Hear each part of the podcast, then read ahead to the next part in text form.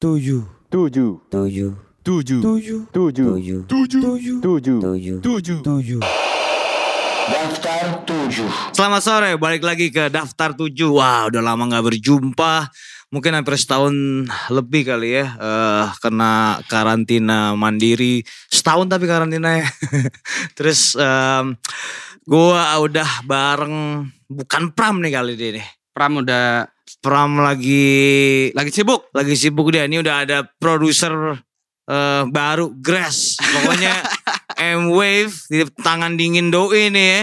ya. Itu lo lihat aja followersnya naik berapa? 4 ribu. Beli semua tapi buat. yes gimana yes? Yes nih. Yoi yoi yoi. Gua gantiin Pram. Eh Pram lo ini ya. Jadi buat teman-teman eh, Pram eh, akhirnya memutuskan untuk fokus di dunia perkapalan yo. Gua dengar. Kapalan gila. Iya, jadi dia, dia katanya pengen eh, ini dia apa eh, buka perusahaan custom jangkar, jangkar Anjing. kapal. Jadi buat kapalan Ya, kali iya. beneran kapal. Otaknya kayak atau kapalan. otaknya kapalan. Otaknya kapalan Otaknya kali. Jadi kayak eh, udahlah katanya katanya gini kata pram gue. Ya lo lanjut aja itu dasar tujuh. Jadi kayak orang udah mau mati gitu. Tahu lo kayak film-film yang gitu. Da, lanjutin daftar tujuh yuk. Ini harapannya ada di lo. Terus kayak wah gila gue lah hancur. Gue bilang sama Yeski, yes tuh lo liat nih. Kayak gitu. Ya Ya, udahlah. dan Dan mau gak kebetul- mau kita legacy kita Yoi. perpanjang ya. Dan kebetulan juga banyak banget ini sih teman-teman yang ngechat kalau di M5 ya kapan lagi nih daftar 7, kapan lagi daftar 7 gitu. Gue sebagai produser langsung kayak ya udah eh Rio Pram ayo kita harus bikin lagi nih, let's go gitu. Asik Bikin banget. lagi, Iya ya gue kan? sih gue sih mem- mem- memegang ini aja gue. Sumpahnya pram aja gue. Yoi, yoi. Untuk memajukan industri musik indie. Yoi. Dan ini daftar 7 muncul-muncul menurut gue eh, dengan topik yang eh, nyebrang ya. Nih ngehe nih Yeski nih. Ini ini ininya Rio nih clickbait banget nih. Wah clickbait ya. Oke. Daftar 7 alien musik Indonesia. Gila. Apaan sih maksudnya anjing? lo so aneh deh lo. Lu soalnya Enggak gue rasa gara-gara corona ya jadi aneh semua gak sih? Iya, iya, iya. Jadi awkward, awkward tau gak? Iya lah ya, maksudnya "Ah, udah lah ya. awkward sih ketemu lo nih Yes. Eh, sama. Awkward juga banget gue. Kayak ngomongin yang serius-serius gitu kayak aduh, udah lah ya. Iya lah ya. Capek Ah. juga cuy. Kenapa Yes? Kenapa kenapa daftar 7 musik alien Indonesia? Kenapa daftar 7 musik alien Indonesia? Iya, sebenarnya Musisi ya ini ya. musisi iya.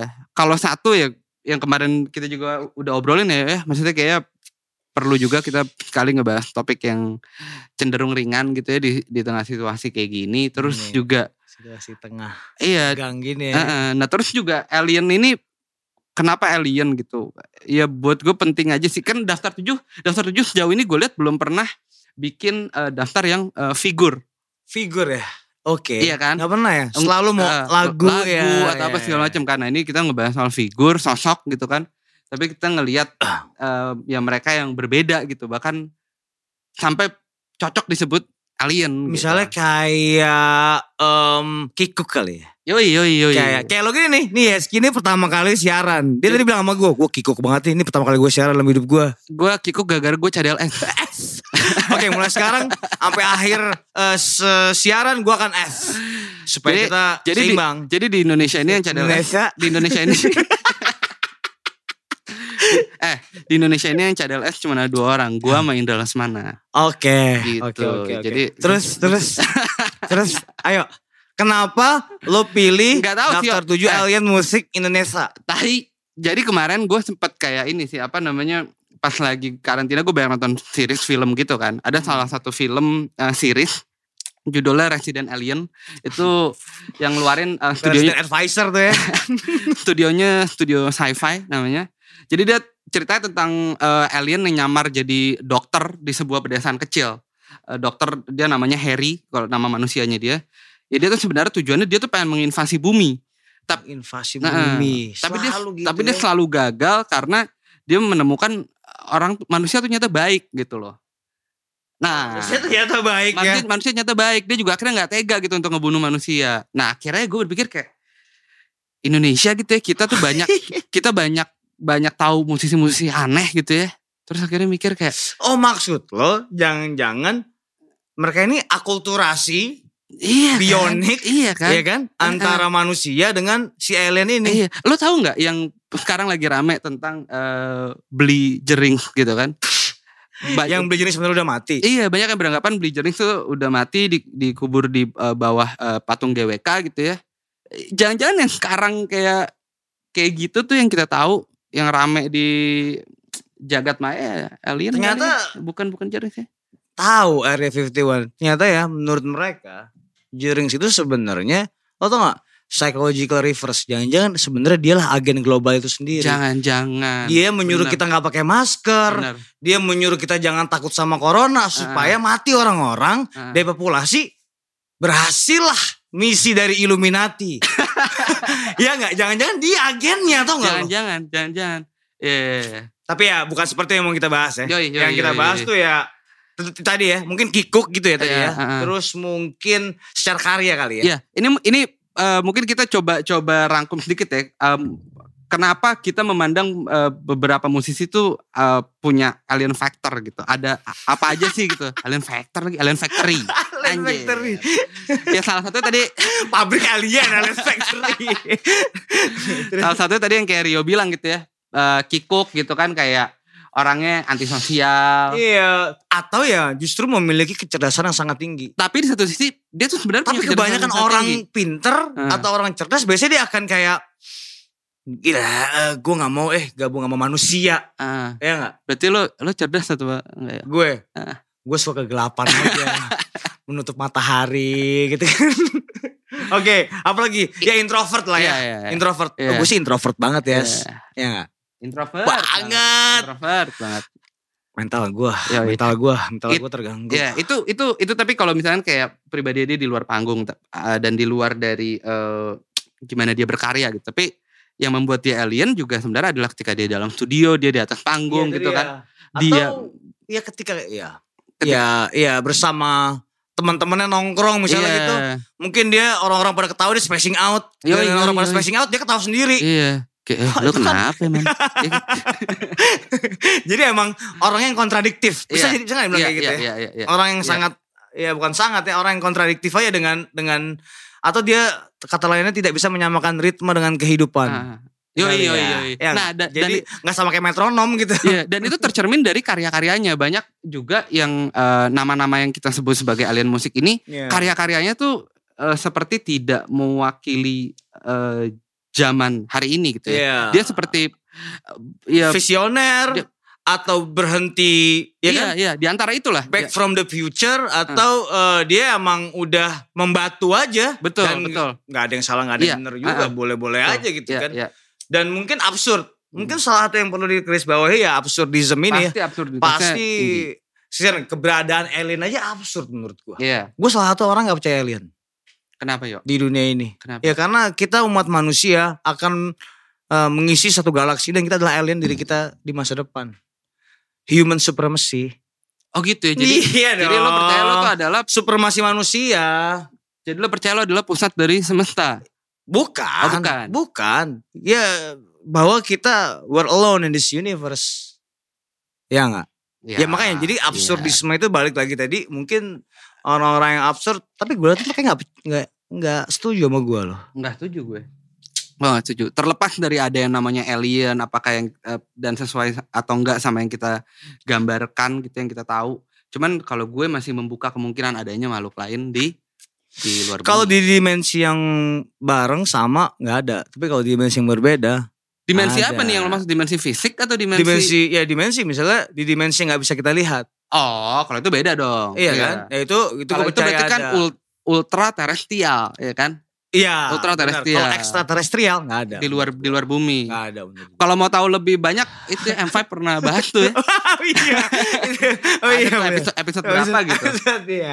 Oke, apalagi ya eh, yang kita kita bisa eh, validasikan sese- seorang musisi menjadi em, alien. Ini sih sebenarnya metode dia berkarya ya, cara dia menggunakan instrumen-instrumennya, eh, terus cara dia menulis eh, lirik, eh, wacana-wacana yang diangkat dari lirik, Wacana. Iya. Ya, presentasinya di atas panggung. Iya. Jadi gini, eh, mungkin ada beberapa nama yang eh, mungkin nanti teman-teman pas dengar kenapa nama ini nggak masuk, kenapa nama itu nggak masuk gitu. Eh, ada beberapa sebelumnya kan gue sama Rio udah bikin list cukup panjang ya, ya. tapi ada beberapa nama yang kita lihat, oh ini tuh dia memang eh, Nanti emang- kita sebutin ya, nanti Iya, kita sebutin. memang dia ya. secara effort eh, effortnya effortnya tinggi untuk menghasilkan estetika tertentu. Tapi kalau alien-alien yang kita sebut ini dia bu- bukan yang kayak seperti itu gitu. Berarti kita nggak bisa bilang nggak bisa bilang mereka itu seorang ya, tapi seekor alien. Se- Iya. Kan seorang alien. Iya, se- Iya nggak? seharus- harusnya sebuah kali ya mungkin. Sebuah ya. harus It ya. It. Iya, it ya. Ah. Oke, oke, oke. it lah, makan yes. Nah, kurang lebih itu sih, kurang lebih Iya, eh, iya, iya. beberapa faktor yang eh, jadi pertimbangan lah ya untuk nyebut mereka ini sebagai eh, Ya intinya semoga bisa menghibur dan membuat lo penasaran mendengarkan karya-karya mereka ini. Jadi ya buat ya ini soalnya ada beberapa orang yang sebenarnya gue juga baru tahu men. yoi yoi. Gila gitu setelah eh, apa namanya observe ini jadi oh anjing ada orang kayak begini. Iya, ya, gue si, ngentot ini ada gitu. gue dan gitu. Rio juga banyak bertukar referensi kayak oh ternyata dia tuh seaneh ini gitu dia se-alien ini gitu dan eh, nanti informasi ini juga semua bakal diperkuat dengan kita seperti biasa ya yuk melibatkan eh, beberapa narasumber juga untuk eh, memberikan tanggapan lah tentang tentang daftar ini Iya, gitu. jangan aneh kalau ntar narasumbernya cuma ngomong kode-kode doang. iya itu iya. itu rekaman ini pun nanti lo rekam lo putar secara backward itu sebenarnya Nah, kode kode memanggil Yesus Eh, eh, datang. ke- ke- Hmm. juru selamat ya Oke, jangan-jangan kita alien diri kita sendiri. jangan-jangan Oke, kita mulai aja ya, Seh. Kebanyakan bacot loh. siap Oke.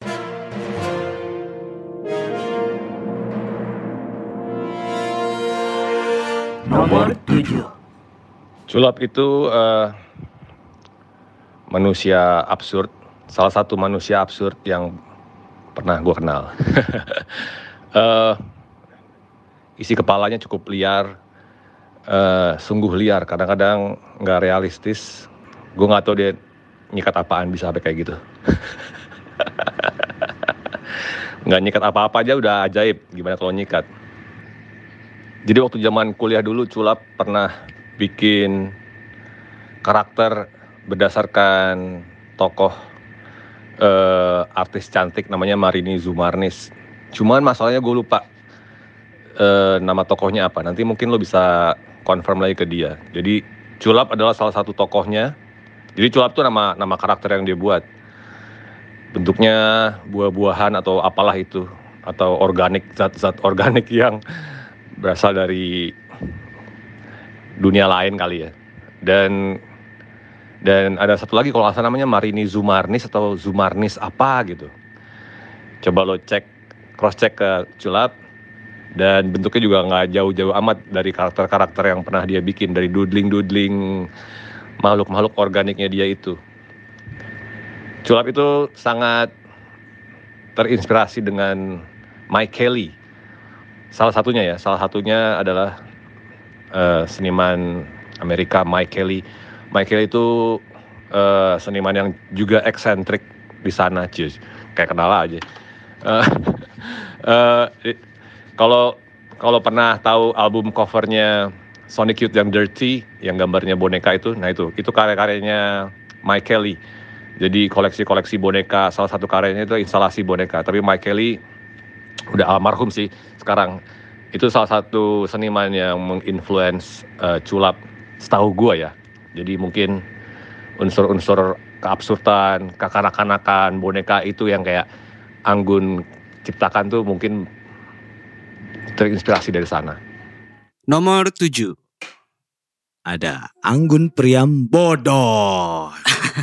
nah itu tadi itu dari pandangan dari Batman ya Batman ya. rekan sejawatnya di, Iya, di Jadugar ya. Itu mungkin eh, unit seni yang paling difokuskan sama Anggun sebenarnya bukan band ya, bukan si Bandempoi iya, ya. iya, iya. Tapi si si Jadugar ini ya, dia seniman ya. Iya, Kita iya. nggak bisa bilang dia, bukan nggak bisa bilang. Em, ya seniman bisa aja, bisa apa aja. Aktor juga, Iya. gitu kan? Yoi, dia seniman multidisiplin sebenarnya ya. film ya kan. Iya, iya. Tapi terutama film lah Iya, sebenarnya iya, film, iya, iya. terus juga karya seni rupa. Nah, makanya kita ta- eh, taruh dia di eh, pertama nih ya di nomor 7 ya memang karena eh, mungkin kita semua tahu eh, musik bukannya bukan yang paling utama lah buat Iya. Dempo gitu kan. Eh, Bukan- buat buat, bukan- buat Anggun. Bukan periuk nasinya dia. Yoi, gitu. yoi. ya nggak. Jadi kayak itu priuk ekspresinya dia kan misalnya kayak eh Bandempo Yoi, Gitu yoi, kan. gue Bandempo ya itu band yang sebenarnya lo harus cukup beruntung untuk bisa nonton Bandempo Iya nggak? Setuju, gue Iya setuju. Gue dia setuju. main berapa berapa tahun sekali setahun sekali aja enggak Iya, gitu. gue setuju. Gue inget banget, gue nonton eh, mereka di eh, acara School of Rock tahun 2013 di Oke. di Kemang tuh di basement apa gitu gue lupa. Gue sampai ngupload di pet, gue bilang akhirnya gue nonton Bandempo. Anjir, Gua bilang, iya dan dan lo tidak akan dirugikan Hmm. karena ini aksi teatrikal. Yoi yoi. yoi. Ibaratkan ibaratkan Sri Mulat kali ya. Kayak nonton Sri Mulat. Iya nggak sih? Bener. Gua denger Bandempo itu udah tahu sejak zaman em, poster. Iya. Itu ada band band band IKJ lah tuh gerombongan tuh Ejakulala Hmm. Vampira terus main di eh, bakar-bakaran segala macam. Keberuntungan baru menghampiri gua mungkin ketika mereka di reissue sama Elevation Records Oke. dan mereka bikin plat ya. showcase di eh, gudang gar Gudang Sarina. garam lagi Gudang Iya, garam. garam. gudang Ruru Sarina Oke. jadi di situ gue nonton kayak oh ini Anggun nih datang terus mereka ini eh Anggun tuh nari-nari Hah? mengelilingi penonton sambil niupin balon cair yang buat anak-anak itu Anjing, aneh banget. jadi kita kayak hujan balon cair gitu epic nggak Anjing, aneh banget sih. menurut gue ah Iya. hancur banget. musiknya bagus atau tidak gue nggak penting buat gue Betul, betul. Tapi akhirnya eh, akhirnya gue bisa melihat karakter kekanak-kanakannya eh, Nah, Anggun Iya, ya iya. enggak? Itu itu itu yang selalu ada di eh, Anggun ya, Anggun Prembodo. Apalagi kalau kita ngomongin dia ba- bahkan dari film-filmnya, dari karya-karyanya. Kemarin yang terakhir yang lu datang tuh yuk pamerannya dia kan ya. Oh Itu iya kan bik- monopoli ya. Monopoli itu juga terinspirasi berarti dari permainan kan anak-anak Iya, gitu kan. Gue gue nah ini ini tahan nih gue baru kepikiran ya. Ah. Kemarin baru gue baru ngobrol mengenai kita ini sedang kekurangan lagu anak-anak modern. Ngobrol sama siapa lo? Ada lah pokoknya dari gang sempit ya nggak? lelaki gang sempit pokoknya adalah gitu kan. Dia bilang katanya kita ini kekurangan lagu-lagu anak-anak modern. Heeh. Terus gue pikir kalau Anggun bikin lagu anak-anak lo pikirin gimana? Iya, ya sebenarnya pas dong. sebenarnya pergi liburan gitu kan. Permen tukaran. Awas ada kereta. awas ada kereta itu mungkin kalau di kalau di aransemen ulang bisa jadi lagu yang bagus buat lagu anak-anak Jadi kecuali lagu PDKT 6 bulan ya Jadi udah udah melendung 6 bulan baru PDKT-in. Iya. Gimana tuh? Baru tahu. Ah, lu lu wah, ini deh lo isian. Gue deketin deh. nah gue sendiri Isiannya apa dulu tapi nih? Permen misalnya isian permen. yoi yoi Iya kan? nah lagu permen itu adalah lagu Bandempo pertama yang gue denger karena gue itu eh, dapat eh, apa ya satu CD kompilasi gitu dari dari Provok eh, judulnya tuh eh, Provok The End Life Loud and the Angst of the Youth Filled with Amazing Oh, apaan sih tuh? Band. Artinya apaan sih? Lu jangan so. Inggris anjing panjang, deh. ba- panjang banget lah pokoknya ya kompilasinya Provok eh, Iya. di, di di tahun itu Hmm. salah satunya adalah ada lagunya eh, Bandempo yang permen tukaran itu gitu permen permen judul permen dan gue pas denger anjing ini lagu aneh banget Iya, gitu kan iya, referennya. Anggunnya nanya siapa yang mau permen saya saya saya kayak rame gitu dan ketika dibawa lagi di eh, acara School of Rock yang gue tonton waktu itu di mana Anggun pakai sombrero waktu itu Anjing, topi Mexico. yo eh dia pas nyanyi gitu siapa yang mau permen itu bener-bener semua Dilempar permen gak? dilempar permen dan Anjing. dan semua juga kayak saya saya saya gue kayak Ja-. Jangan-jangan sebenarnya bukan permen tuh. apa dong Kadang-kadang musisi aneh suka menganalogikan sesuatu menjadi hal yang eh, keseharian gitu. Padahal itu subliminal. contohnya apa tuh Misalnya yang ditebar tuh yang ketika dia menulis lagu dia lagi nggak nebar ke orang-orang bukan permen tapi em, apa misalnya yang pak biji kelereng gitu Mungkin, misalnya mungkin. atau misalnya biji lo atau misalnya em, eh, uang koin angpau ah, apa pun. Apa pun itu tapi yang Apa pun. pasti di eh, akhir lagu eh, permen Anggun tuh meringis lagi lagi lagi. Permen apakah itu? Permen yang bikin bikin. Oke Yaudah, Oke. Eh kalau awkward gitu? Tenang Bray. Anjing, tenang, aku tenang. banget Jangan kayak pemakan permen gitu deh. Permenivora. Oke. Eh, tapi ngomongin Anggun em gue ya dia sebagai seniman ya. Salah satu ya eh, karya yang paling gue suka adalah ketika dia bikin karya judulnya Skasur. Oke. Jadi itu tuh Itu kan itu lagu baru apa? bukan bukan bukan karya seni mak, karya Oh. visual. Oke oke. Dia kan Hmm. dia kan emang Hmm. emang suka bikin video gitu kan dan dia Iya, iya. juga eh, sutradara dari film yang aneh anjing, Rocket Train. Yo, Ya enggak ya? iya, iya. Ya balik ke, ke sekasur itu kalau nggak salah mungkin 2012 ya. Coba kita pastikan itu ada di eh wah internetnya lambat nih. Internet Eh, gue iya, nih. ini kan kalau K21 Studio ini kan memang dia Oh iya K21. dia memang organik. Iya. Eh, dia memang eh, apa ya? Se- Sebenarnya bukan studio nih, ini planet. Planet K21. ya, Planet K21. Ini planet K21. Jadi eh kita sangat alien banget nih ya. Nah, sis kasur ini kayaknya di tahun 2012 dan bentuknya tau gak apa? Jadi lo semua ada satu orang, misalnya Yeski nih ya, ditaruh di satu kamar, nanti lo akan tidur sekasur dengan eh, orang-orang berganti-ganti. Ini eh, mediumnya video apa? Video. Video. Jadi eh, Yeski hari pertama dengan misalnya Tesi seperti eh, covernya si Bandempo Mana ya. itu? Terus nanti apa apa yang akan terjadi tuh yang dilakukan oleh eh, apakah ada tensi seksual?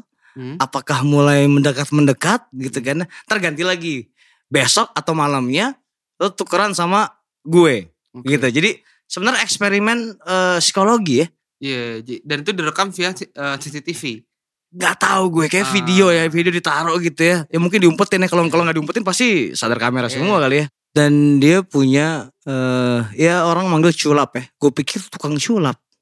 Hmm. Sulap. Iya sulap, Ah. tukang sulap gitu Ah. kan. Ternyata culap itu adalah karakter Ya memang dia yang dia buat sendiri. gitu kan. Nah mungkin itu ya eh orang-orang yang aneh dan alien ini suka membuat karakter fiksi. Ini fake dia alien berarti. Iya. Berarti dia fake alien. Iya? Kenapa? Karena dia bikin identitas baru, man. Iya, kan? Dia Fake bikin identitas aja. baru, Ah. terus akhirnya ya dia dia mix aja, dia Iya. akulturasi aja semuanya ke dalam si eh, si sosok baru ini. Iya. Jadilah eh ini dia bukannya? Ini sampai kabur nih Anggun Priambodo dan Culap ya kan. Iya, Nah, ini iya, itu dia. Gue pengalaman pribadi gue, gue dua kali wawancara Anggun. Mm, Sebenarnya ketika lo bertemu dengan dia langsung, nggak biasa aja gitu. mm, Ya, dan dia tidak akhirnya tidak menggila-gilakan diri. Maksudnya nggak sok gila gitu, enggak. mm. Dia seperti seorang berumur 40 tahun ke atas, punya istri, punya anak, punya rumah, seniman, udah biasa aja gitu. mm. Tapi ya ketika dia berkarya ya di situ ya. Dan dia berarti orisinal, dia tidak pura-pura, ya nggak? Pasti. Ya, jangan-jangan ya itu dia. Kenapa banyak orang eh, di daftar kita yang wah ini gila nih, tapi nggak kita masukin. Iya, Jangan dia iya, pura-pura lagi, sosok gila Iya, lagi. karena bisa jadi itu memang memang dia buat lah, dia dia create gitu kan untuk mencapai emang apa bentuk estetika yang dia mau gitu. Tapi Iya. Anggun Anggun nggak kayak gitu gitu loh. Iya dan satu yang gue suka lagi di dari Anggun dia eh, sebagai kita pewarta ya, Hah? penulis wartawan gini ya, dia juga punya majalah Cobra, iya, Cobra. ya kan? Dia Eh, berarti dia juga eh, concern terhadap eh, hal-hal yang bersifat literasi, ya iya, iya, iya, Jadi, iya, iya. Ya eh, ketika lo bilang Anggun Priambodo, hmm, oke. Dan tadi kalau kata Batman nggak nyikat aja kayak gitu, apalagi nyikat. Apalagi nyikat. Gimana kalau dia nyikat menurut lo? Iya, tergantung sih nyikatnya pakai apa. Kalau nyikatnya pakai eh, kanebo, Hmm. menurut gue nggak terlalu gimana kalau nyikatnya pakai eh, Kalau Psycho Candy gimana? Nomor 6. Halo, gue Anto Arif. Cerita tentang Otong Koil. Menurut gue, Otong itu adalah rockstar terakhir yang dimiliki oleh kota Bandung. Dan eh, kenapa rockstar? Karena rockstar itu harus punya mitos yang banyak sekali. Dan ini yang ada pada Otong. Berputar sekitar pelet dan banyak perempuan yang kesengsem juga soal keanehan-keanehan di hidupnya lah. Salah satunya adalah kalau ngomongin eh, perempuan-perempuan, mitos yang pernah gue dengar adalah ketika Koil sukses di MTV Indonesia yang ada lagu Mendekati Surga, Koil sering main di mana-mana di Jakarta dan panggung-panggungnya sering dipenuhi oleh model-model yang nungguin mereka di backstage. Otong sempat dekat dengan salah satu penyanyi di era 90-an dan katanya Eh, mereka sampai buka kamar gitu. Terus pagi harinya ditinggalin begitu aja dalam kondisi telanjang dan pintu tidak ditutup. silakan cari tahu sendiri siapa nama penyanyi itu dan silakan tebak-tebak sendiri. Eh, kemudian kalau soal pelet ini juga gak ngerti ya kayak ada silet keluar dari lehernya lah. Kemudian ada juga eh, eh, suara habis mendadak pas mau cuman pas mau manggung cuman pas mau rekaman terus file-file lagu hilang. Yang terakhir yang ajaib banget gue denger adalah ketika mereka harus taping untuk satu acara di pop hari ini Eh, ketika soundcheck ada beberapa file atau bunyi-bunyi yang mengganggu. Kemudian ketika dikabarin ke manajemen bandnya, lalu tiba-tiba Coil manggil dukun dan dilakukan sesuatu menggeser-geser posisi kalau nggak salah dan sound itu hilang yang mengganggu. Gokil. itu beberapa aja sih dari cerita-cerita absurd seputar potong koil. Eh, dan untuk menjaga kadar rockstarnya, mari kita lestarikan mitos-mitos ini. Yo lo batuk kayak lagi gue denda sih yo. Lo dari tadi batuk mulu anjir. Enggak, ini ini ya harus ada ini nih peraturan nih bahwa siapa pun yang batuk dia batuk denda Berapa? Lo mau ber... Gua nggak akan batuk. Kalau lo kalau lo yang batuk denda berapa? ya gue gue kan duit bukan masalah ya Oke buat gue. sudah. Oke gocap. Oke boleh. Gocap ya. Heeh. Salaman. Salaman ya. Oke gocap Oke, ya. jadi buat teman-teman bisa denger nih nanti berapa kali gue batuk, berapa kali Rio batuk, itu kita harus transfer Iya, nanti itu ya. Transfer. Oke, itu tadi eh nomor selanjutnya ada JAV eh, Julius Aryo Ferdiantoro itu AKA. nah AKA Otong Coil Kaot. atau Kaot atau Midian. Midian. Nggak, Ini- ini sosok tai sih. Sebenarnya ini alien apa tai? Kayaknya ini sosok alien paling tai sih menurut gue. parah, parah. Ini ini rusuh sih ini orang. Rusuh banget. Ya tapi tapi ya tadi kan ini gua langsung aja ya. Ah. Tadi kan lo takut tuh gue batuk-batuk. Heeh. Lo langsung dikatain loh. Dia dia punya lagu judulnya Rasa Takut Adalah Seni. Rasa takut adalah seni. Yo yo. yo. Nih, ya kan? Untuk apa hidup ini? Oh, katanya dia, dia pertama udah nanya untuk apa hidup ini. Terus kali eh, lirik pertamanya apa yang kau takuti antara dosa dan telapak tanganmu sendiri. Apa yang aku sayangi antara Tuhan, setan dan diriku sendiri. Gokil. Tarik nafas sedalamnya. Gokil. Ya menurut gue ya, Heeh. Otong adalah orang yang udah selesai dengan kegelapannya. Jadi Gimana tuh ya maksud maksudnya? gue kalau lo lihat liriknya Otong itu pasti tentang kesendirian. Kesepian ini adalah abadi, ya kan? Hmm. Lalu ada kita bisa diselamatkan Mm-mm. di bawah kolong langit. Tidak ada yang dap- eh Tidak ada yang Eh, itu kan dari dari ayat. karena itu memang eh, kutipan dari khotbah gitu Khotbah. kan yang Dia dimasukin kan- di intronya Iya, Megalobres iya. ya. Kura- mungkin dia seorang Kristen yang murtad kali Iya, ya. iya, Ya karena setahu gue Otong tuh gonta-ganti agama. Kadang-kadang Oh, iya? Kristen, Hmm. masuk Islam. Kristen sekarang nggak tahu. Terus sekarang kemarin kemarin, kemarin gue sempat ngobrol sama ada lagi pemuda dari Gang Sempit dari Bandung. Dia bilang Otong mah agamanya satanik. Wah, kan. ya tapi jadi ya eh, dia bisa jadi gila kayak gini. Em, gue rasa karena eh, dia udah selesai sama kegelapannya. Oke. Ya gak sih? Iya. Jadi orang humoris. Benar, benar, benar, benar. Dia udah, dia udah nggak ngelihat apa namanya kegelapan tuh sebagai sesuatu yang menakutkan. Dia ketawain aja gitu hal-hal itu Makanya gitu. rasa takut adalah seni tau gak lo? Yo yo benar. Lagu terbarunya rasa takut adalah santet. Kira rasa takut adalah santan. ya itu juga sih, ya kan juga itu juga. bahaya kan. Ya santan maksudnya kan. eh, terkait dengan santet ini lo tahu kan Ah. mitos-mitos dia disantet Ya, ya, ya, sama ya. seorang yang bikin eh, dia paranoid ya kan. paranoid terus tiba-tiba pelernya gede sendiri lo Iya. pengen ya tiba-tiba pelernya gede sendiri gue pernah nonton Otong main di Sondrenalin dia naik ke panggung pakai kruk gitu tau gak lo Oh, kar eh, karena kakinya sakit. karena iya dia Iya, nggak bisa jalan sebenarnya Emang. terus dia datang pakai kruk gue kira bercanda kan ah Hmm. nih aksi-aksian tai doang Hmm. nih terus ya udah eh dia nyanyi selama itu pakai kruk terus pakai helm Tapi yo, gue juga dulu pernah datang ke sama abang gue, gue datang di konsernya mereka di Sabuga tahun 2011 ya. Konser emang eh, konser tunggalnya mereka. Itu gue inget banget, wah itu aneh banget sih buat buat, buat gue nonton tuh waktu itu harga tiketnya 25 ribu tapi lu dapat rokok sebungkus. eh ya bener-bener ya dikit-dikit kayak setelah main tiba-tiba dia ngelempar eh, BlackBerry kalau lagi main. anjing. Dia tiba-tiba ngelempar siapa nih yang ulang tahun gitu kan.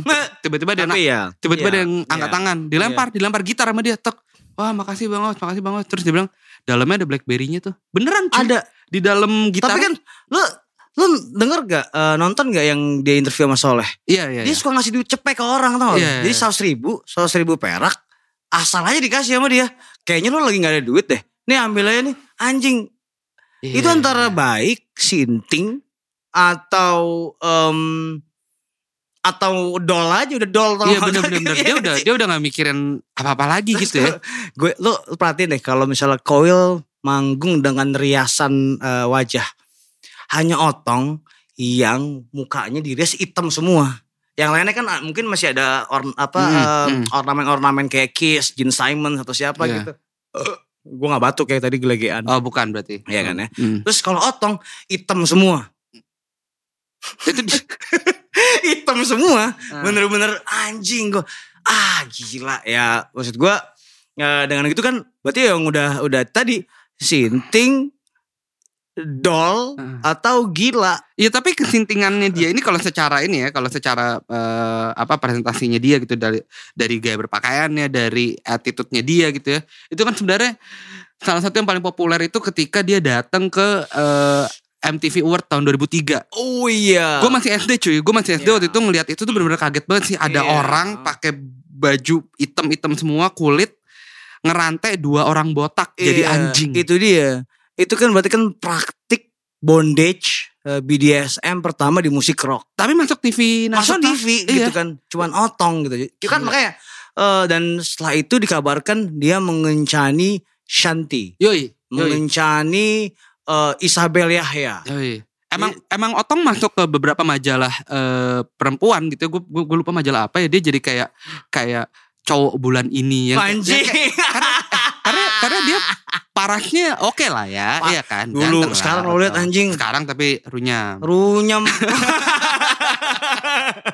Enggak, tapi eh gue bisa mau kayak ngomongin otong. Hmm, salah satu yang membuat dia keren tuh ya rambutnya ya. Heeh. Gue rasa lo mesti nyontoh dia sih. Oh, Gue pernah Iya. baca tuh, gue pernah baca satu tweet. Ada orang nanya ke ini, Kak Ot, sampoannya pakai apa sih? Dia kan biasa kalau di Twitter kan anjing banget kan. Dia dijawab, "Eh, aku pakai sunsilk jilbab katanya. Tapi ada yang satu jilbab tuh ya. Ada. Jangan-jangan sunsilk yang dipakai sama eh, Melly Guslau lagi. Lo tau gak Melly Guslau gimana gayanya kalau di panggung? Eh, Dia kan jilbaban. Iya, sekarang. Udah pakai jilbab terus dia pakai wig lagi. Dia- tapi itu alien juga ya sebenarnya. Kenapa? Melly Guslau. Kenapa Melly Guslau tidak ada di list alien? Enggak lah, tapi Melly Guslau ya. Enggak lah, karena itu Enggak. menurut gua Enggak. kurang. itu sih jelek gitu mah. ya, balik ke otong ya, Iya. balik ke otong ya. gue pernah punya cerita otong.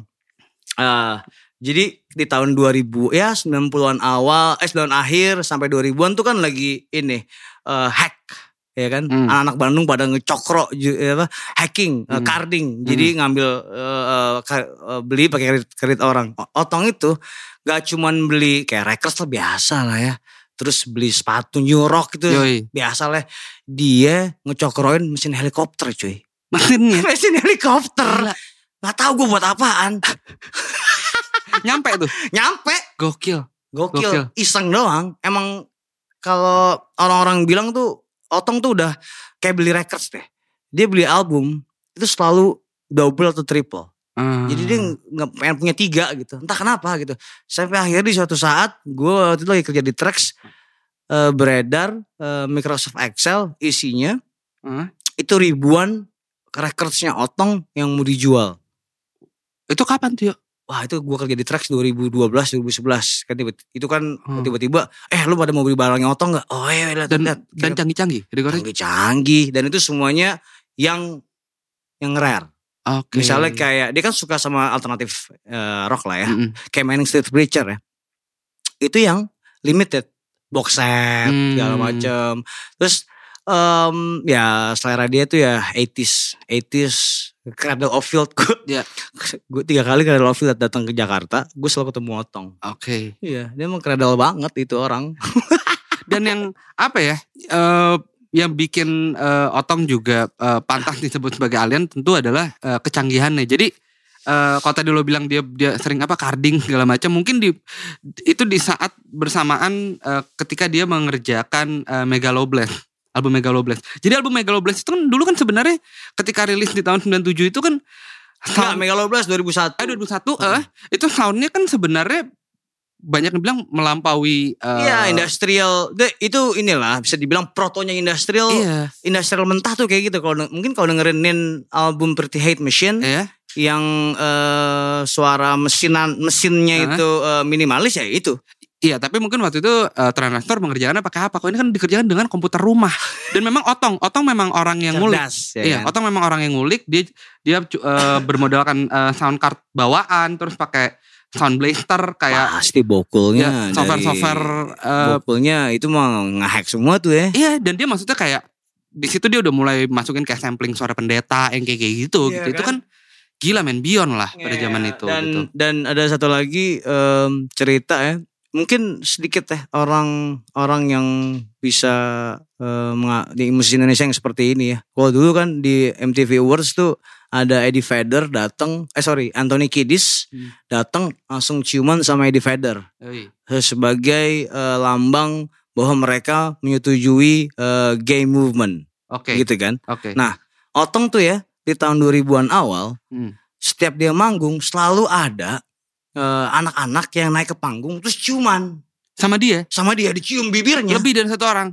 lebih dari satu Perempuan orang. atau laki-laki? laki-laki semua Oh laki-laki semua. kan aneh kan Heeh. akhirnya itu eh, momen itu diabadikan di eh, bu- eh, di sampul Ripple Ripple tuh masih kecil Ya. dia ciuman sama Iyo jadi Dijadiin cover ya? jadiin cover Keren. lo lihat ya, maksudnya si- si- siapa anjing saat itu itu kan hanya orang miring gitu jadi cover terus lo eh, ciuman sama cowok. Eh, Iyo nya juga sedeng juga Iya, gitu kan. iya, iya. ya Eh, tapi tapi jejak ke alienannya ke anehannya Otong ini memang eh, kalau yang gue denger udah jauh dari sebelum dia eh, ngebentuk coil bahkan ya ketika dia kuliah. Ah, eh, yang yang yang gue denger dia pernah eh, membakar meja iya. di gedung uh, Center di ITB tempat dia berkuliah tapi pada saat itu dia masih di tahap TPB jadi kalau TPB itu kalau di kuliah eh, di ITB itu dia baru tahun pertama bahkan Iya. bahkan belum penjurusan Iya gitu mungkin ya itu dia ya ya tai anjing lah ya dengan senioritas kali ya. Yoi, Otong yoi. datang dengan rambut gimbal lalu ya kan orang udah sedeng gitu kan disuruh potong gimbal sama senior. Ah. Terus akhirnya dia protes ya kan. Ah, gua bakar Tai meja ya. dibakar mejanya cabut dari ITB pergi ke Birmingham Yoi. sekolah seni Yoi. dan dia nggak pernah sekolah. Semua duit orang tuanya dibeliin plat. Makanya platnya banyak banget gila anjing. Dan satu lagi antics dari eh, Otong yang sangat-sangat epic menurut gue adalah kejadian mungkin circa 2004 sampai 2005 ya. Itu di Bibis. Oke. Jadi waktu itu ada satu pesta private Hah? yang bernama Caligula. Nama, Wow. nama party itu Caligula kan. Origini ya. Jadi orang, orang udah pada telanjang, Ah. nari-nari segala macem gitu kan ya. Nah, semua orang beli bir kan. Tapi Hmm. karena pack, bibis itu kalau kita bisa bayangkan itu ruangannya mungkin cuman segede em, kamar lo lah. Iya. Kamar lo semua lah segede kamar. Kamar gue kurang lebih kayak eh, satu eh, ya kurang lebih se- satu hektar kamar gue tuh ya. Kalau teman-teman mau gede bayangin. banget dong. Hmm. Kalau kamar gue itu empat kali empat, oh, kayak kamar bui. ya udah, jadi masuklah semua orang Hmm. kan. Lu beli bir, bir lu diminum orang gitu Hmm. kan. Bir lu beli bir lagi, otang beli bir mulu, minum, birnya diminum orang. Di, anjing, otang kesel dong. Heeh. Akhirnya sama dia, dia beli bir, dikencingin sama dia tuh eh, gelasnya, diminum lah. Dikisiaan minum. Aduh. Ya kan? Abis itu, abis itu dia oh habis asik kena tuh. Dia dia ambil gelas kosong lagi, dikencingin lagi, dikirain bir kan, diminum lah. Ini sama kaot Iyo. kencing, kencingnya banyak juga tapi Iya, ya. kan namanya juga beser Oh, ya iya, kan. iya, iya. Oh, iya, atau enggak ada yang kental-kental dikit juga. habis itu, habis itu udah kan diminum kan. Hmm. Sampai akhirnya eh, kalau nggak salah Ricky deh. Pas dia minum, anjing, ini bukan bir nih. Ini apaan nih? Terus anak-anak mungkin ada yang nyeletuk. Itu bir, birnya Otong. Ngamuk lah. Otongnya di mana pas saat nah itu? saat itu Otong udah cabut pulang. Jadi dia Wah, habis si anjing. dia nih dia ini kan musang juga tuh Iya, ya kan iya, iya. habis ninggalin cek cabut dia kan cabut di telepon tong lo balik tong ini anak-anak pada kesel lo ngasih air kencing ke bir datang lah dia terus eh, oke Rick lo mau apa eh sama eh, Ricky sama Iyo yang marah waktu itu nggak salah terus akhirnya oh udah lo balas ya dipukul nih dipukul oleh Otong. Pak terima sama Otong. Oke impas ya. Hmm. sekarang lo minum kencing lo sendiri. Dia kencing diminum lo sama dia kencingnya sendiri. Klak klak klak klak klak klak. impas ya. Ku cabut. Keren. keren, keren, keren, keren, keren. anjing. Ya cuman ya itulah ya. Maksudnya dengan dengan segala banyak orang mungkin melihat kayak Otong eh, dia apa eh, seorang rock and roll star yang glamor yang apa segala macam. Tapi ya mungkin interviewnya eh, Soleh Solihun yang cukup panjang waktu itu eh, sama Otong ah berapa tadi? lima puluh ribu ya? Rio denda ke gue lima puluh ribu ya satu ya. Satu lima puluh ribu ya. Oke. emang kalau orang udah vaksin masih bisa ngeluarin ya? Bisa, bisa. coba dong vaksin. Enggak lah, cuman kalau misalkan udah divaksin kayak gue, jadinya eh, efeknya nggak terlalu eh, berat gitu. nah kemarin temen gue vaksin mati sedih Iya, gue dengernya Ya, itulah ya. Oke, Eh, rasa takut adalah seni. Rasa Nah, takut, ya jadi jadi sebenarnya pandemi ini sangat otong, sangat koil tau. gak? tai. paranoid paranoid lo semua nih, lo dengerin aja tuh lagunya otong. Dan ya, nggak satu otong, nggak gue gue banyak sih antik tentang otong ya. Ah. Eh, eh, koil mungkin di masa-masa awalnya itu ya, dia mungkin sampai sekarang kali ya, mereka selalu punya eh eh, apa ya eh, ritual ketika habis manggung Hmm. mereka akan selalu pergi ke kuburan ya kan dan botol minuman yang eh, dipakai bensin buat manggung itu dilempar ke eh, area pekuburan dan harus bunyi potak berarti kan kena nisan Heeh. kalau lu cuman dep, berarti kan kena tanah Yoi. ulang sampai botol itu kena nisan. Hmm. Jadi misalnya otong, hmm, bup, ambil. Doni, hmm, kotak. Nah, Oh dia harus ngambil dulu ya? harus ngambil, terus lempar, Hmm. kotak. Ya kan botolnya berapa? Emang dia disponsori sama eh, apa eh, Jack Daniels kayak kita gini? Enggak kan? Jack Daniels emang gak enak ya? Terus-terus apalagi lu kan banyak lu cerita-cerita otong lu. Dari kemarin, dari kemarin tuh Rio tuh udah udah bilang, wah ini otong sih. Gue banyak sih cerita-cerita. Iya, iya. Sa- ha- salah satu salah satu yang ya, kalau ini sih gue bangga sih. Jadi eh, di di 2014 ketika politik polarisasi terjadi di Indonesia ya, eh, Jokowi versus Prabowo, Eh, Kan kebanyakan- kecebong kampret ya. jebong kampret kan. kampret. Itu kan s- eh, rasanya kita terbagi dua ya. Kalau lo seniman ya kan karena presiden kita pura-pura suka sok metal gitu Iya. kan, pura-pura metal gitu. Jadinya harusnya ke Jokowi gitu kan. Ah. Nah, dibikinlah kan tuh konser eh konser di GBK inget gak? Iya, iya. Iya kan? Dan gue tuh jadi tracks dan pamphlet gue tuh Jokowers ya kan? Oke. Wowi lah, Wowi. Wowi lah Wowi, ya kan? Habis itu Habis itu gue lihat tuh ada list bandnya tuh anjing koil main lagi anjing. Gue kecewa dong. Eh, Ngapain sih lo main di acara Jokowi anjing? Sehari sebelum acara, pamret gue ngamuk-ngamuk. Wah Nyer, kenapa? Ini koil menarik diri nih. Dia doang nih. Koil, Gila. keren, lo keren. Iya nggak? Berarti tapi ada dua, ada dua. Gue mikir saat itu antara mereka ragu, ya nggak? Atau sebenarnya mereka ngatain. Oke. Ngerti ya lo? Ngatain jadi kayak ah gue mau main ah nih lo makan. Tapi, tapi enggak lo. Yang penting nama gue ada di eh ada di flyer. Tapi gue nggak nggak datang. Jadi dia sengaja bail out gitu ya. Tai Bisa kan? jadi sih. Iya kan maksudnya itu mungkin bukan gila, bukan sinting, bukan Ellen, tapi itu bernyali man. Oke. Ya enggak? Dan sebernyali mereka gabung sama naga suara. Eh, itu juga anjir tuh. Itu itu itu lumayan ini sih. Dan semua orang Tidak bilang, terduga sih. semua orang bilang kalau wah lo eh apa ya sell out lah tai ya ya ya itu itulah ya sell out bla bla. Mereka nggak peduli. Mereka emang dari awal udah major label. Album pertama mereka eh ya itu self title yang ada lagu Iya, hujan, self-title. karat, karam, Heeh. lorong dan segala macem itu major label. Masa sih yuk? Iya, Apa namanya? itu program. Indo Oh. ramai Indo Ramayana Sakti. Produsernya adalah produser membesarkan slang. Oh iya, yeah, gue tahu itu. eh, tapi gue kira itu masih indie gitu, cuman dirilis sedikit. Enggak, itu gagal. Ah. Akhirnya kan, makanya mereka mereka tuh sebenarnya gonjang ganjing dari 96 Hmm. baru rilis lagi 2001 ke Megaloblast dan akhirnya mm, udah Tapi kenapa? lah. Tapi kenapa sampai Naga Sora mau ya? Ya, Naga Sora album apa sih? eh, jadi setelah- yang ada the, the best kan? coil Oh, tuh. Best. Ada mereka ngeluarin single. Nah ini, ini juga tai, ini Hmm. tai yang ini nih. Hmm. Jadi udah pasti kan kalau misalnya kalau lo masuk major label, lo harus bikin lagu cinta kan. Mm-mm. Akhirnya bikin lah otong lagu cinta. Mm-mm. Suaramu merdu judulnya. Oke. Dan lagu itu ngecengin lagu cinta.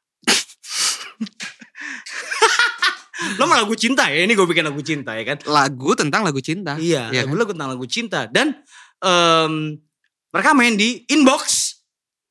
Masih sih? Iya, dan salah satu yang tergila-gila dengan nah ini salah satu kecerdasan otong lagi adalah eh, secara lirik ya Hmm. eh, kehidupan dalam dunia fantasi nasionalisme untuk negara ini adalah, sebuah pertanyaan kehancuran. Eh, pertanyaan adalah kehancuran Iya ya kan Ahmad Dhani akhirnya eh, memaksa-maksa untuk mau featuring di lagu itu merekam ulang bareng Koil jadi secara hmm, gua rasa otong kalau misalnya dia hidup di tahun eh, 41 42 dan menjadi seorang penyair yang bikin propaganda kemerdekaan hmm.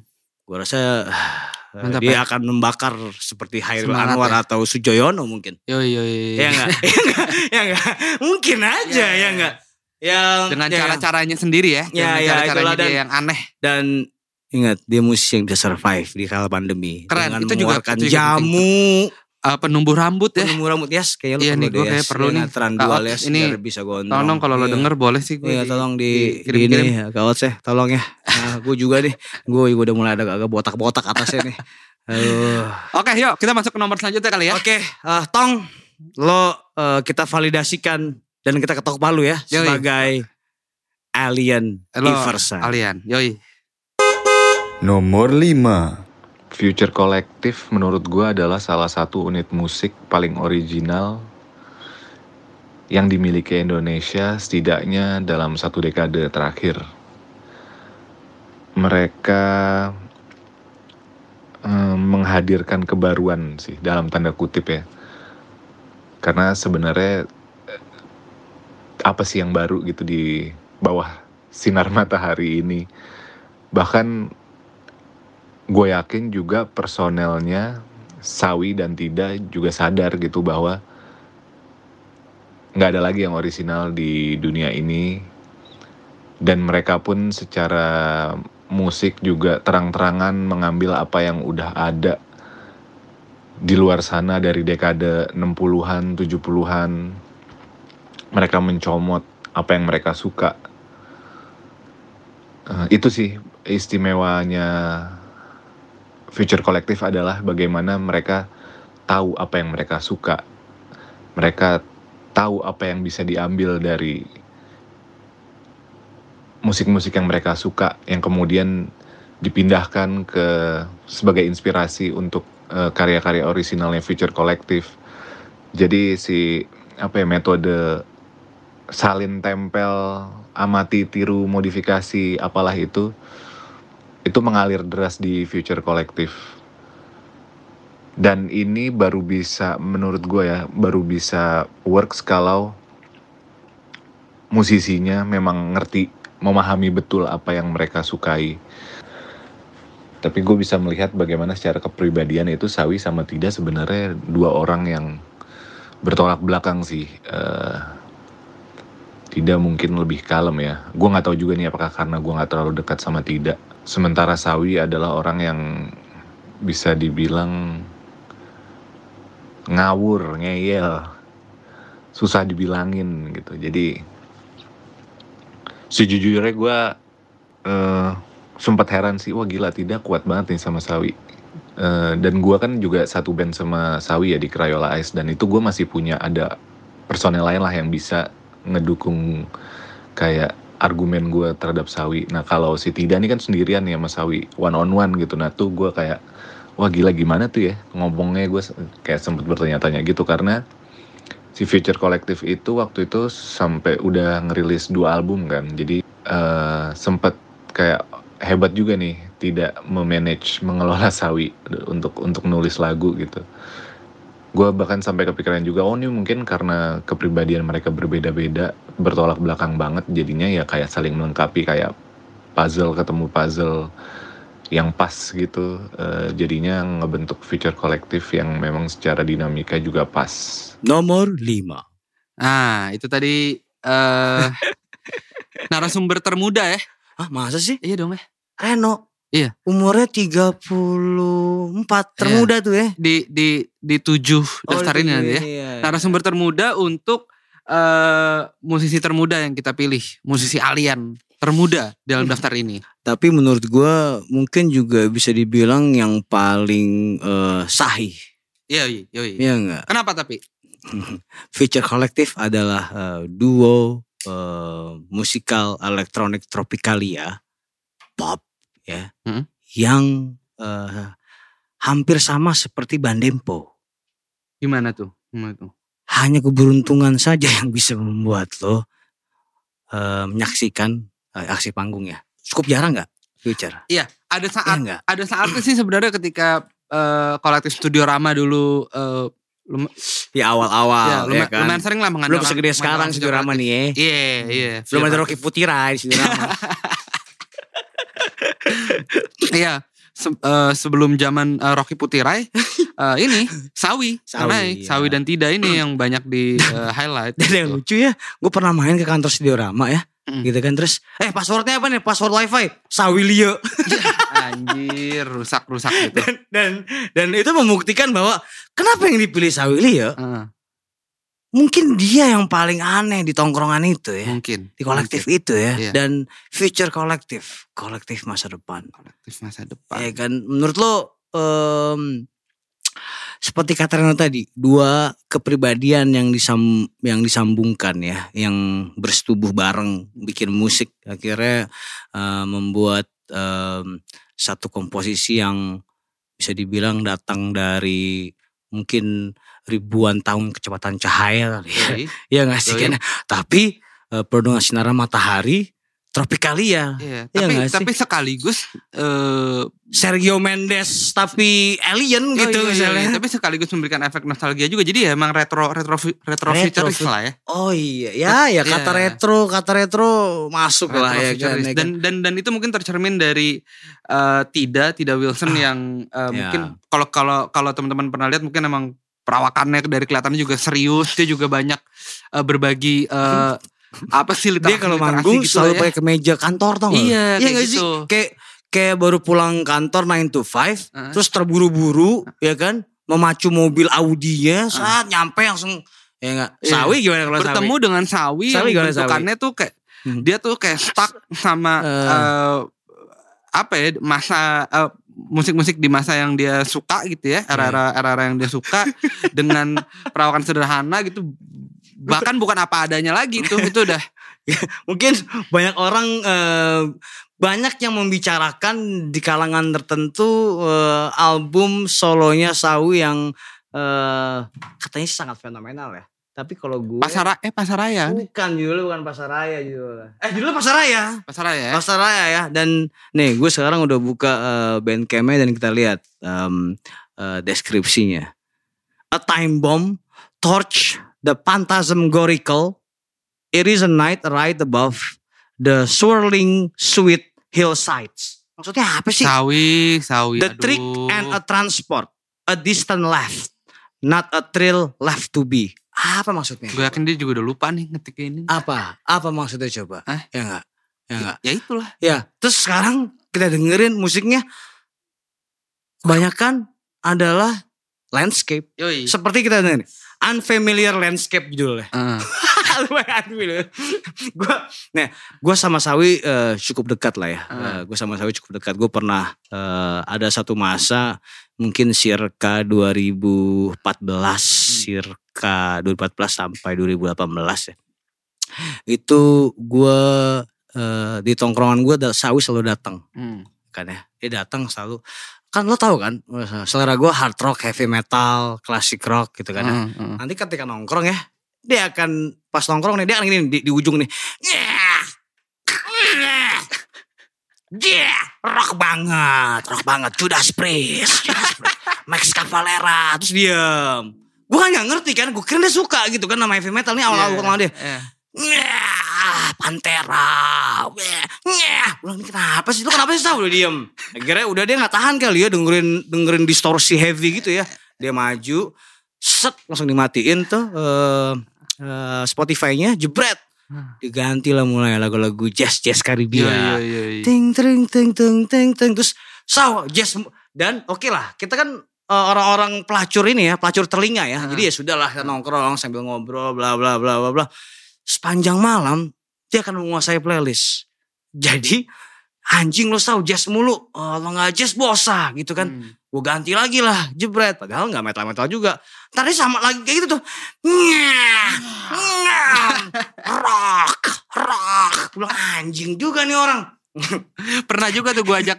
Gue pernah juga waktu itu bikin eh, program gitu buat satu hotel di Kemang. Jadi gue tiap minggu harus eh, ngajak eh, beberapa DJ atau selector untuk main gitu. Tapi kan tempatnya kayak lounge gitu kan gue nggak tahu gue kesirep apa waktu itu gue ngajak Sawi cuy main di situ. Untuk kayak sunset sunset gitu sore sore gitu. Wah lagunya nyebrang nyebrang banget men. Ya, gue sampai apa, apa? Misalnya apa apa, ya? Gue nggak tahu sih lagu-lagu eh dia pernah muter tuyul dan Mbak Yul kalau lagi nge-DJ loh. Lo bayangin aja. Untungnya nggak sampai sih. Anjing. Eh. dan gue inget teman gue cerita ada eh dia lagi main di Slits ya lo tau lah Slits Iya, iya, kan iya, iya. kayak apa sih musiknya main di Slits Iya. Gentle Tuesday Iya, iya, ya iya, kan iya. yang ya yang- kalaupun bebas tapi tetap elegan, iya. yang klasik, ya Ah. kan? Dia datang bawain Season in the Sun, versi The Kingston Trio. Berarti kan itu kan lagunya ini kan.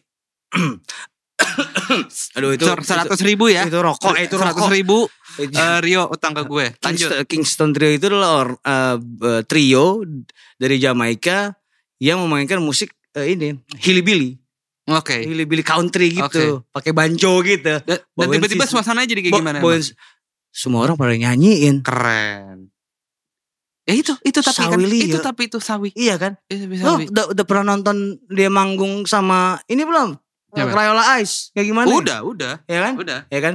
Dengan agak samar-samar di belakang, Yoi. dengan selera fashionnya yang sangat em, em, apa ya? Kebenyamin-benyaminan gitu. dokem, aja kan Dokem, terus dia pernah dia dia dia selalu pakai sendal Betawi itu tau gak lo? Yoi, Sama peci, Hmm. sama baju baju batik kadang-kadang Iya. panggung. Dia cuman tet ketut keyboardnya tet.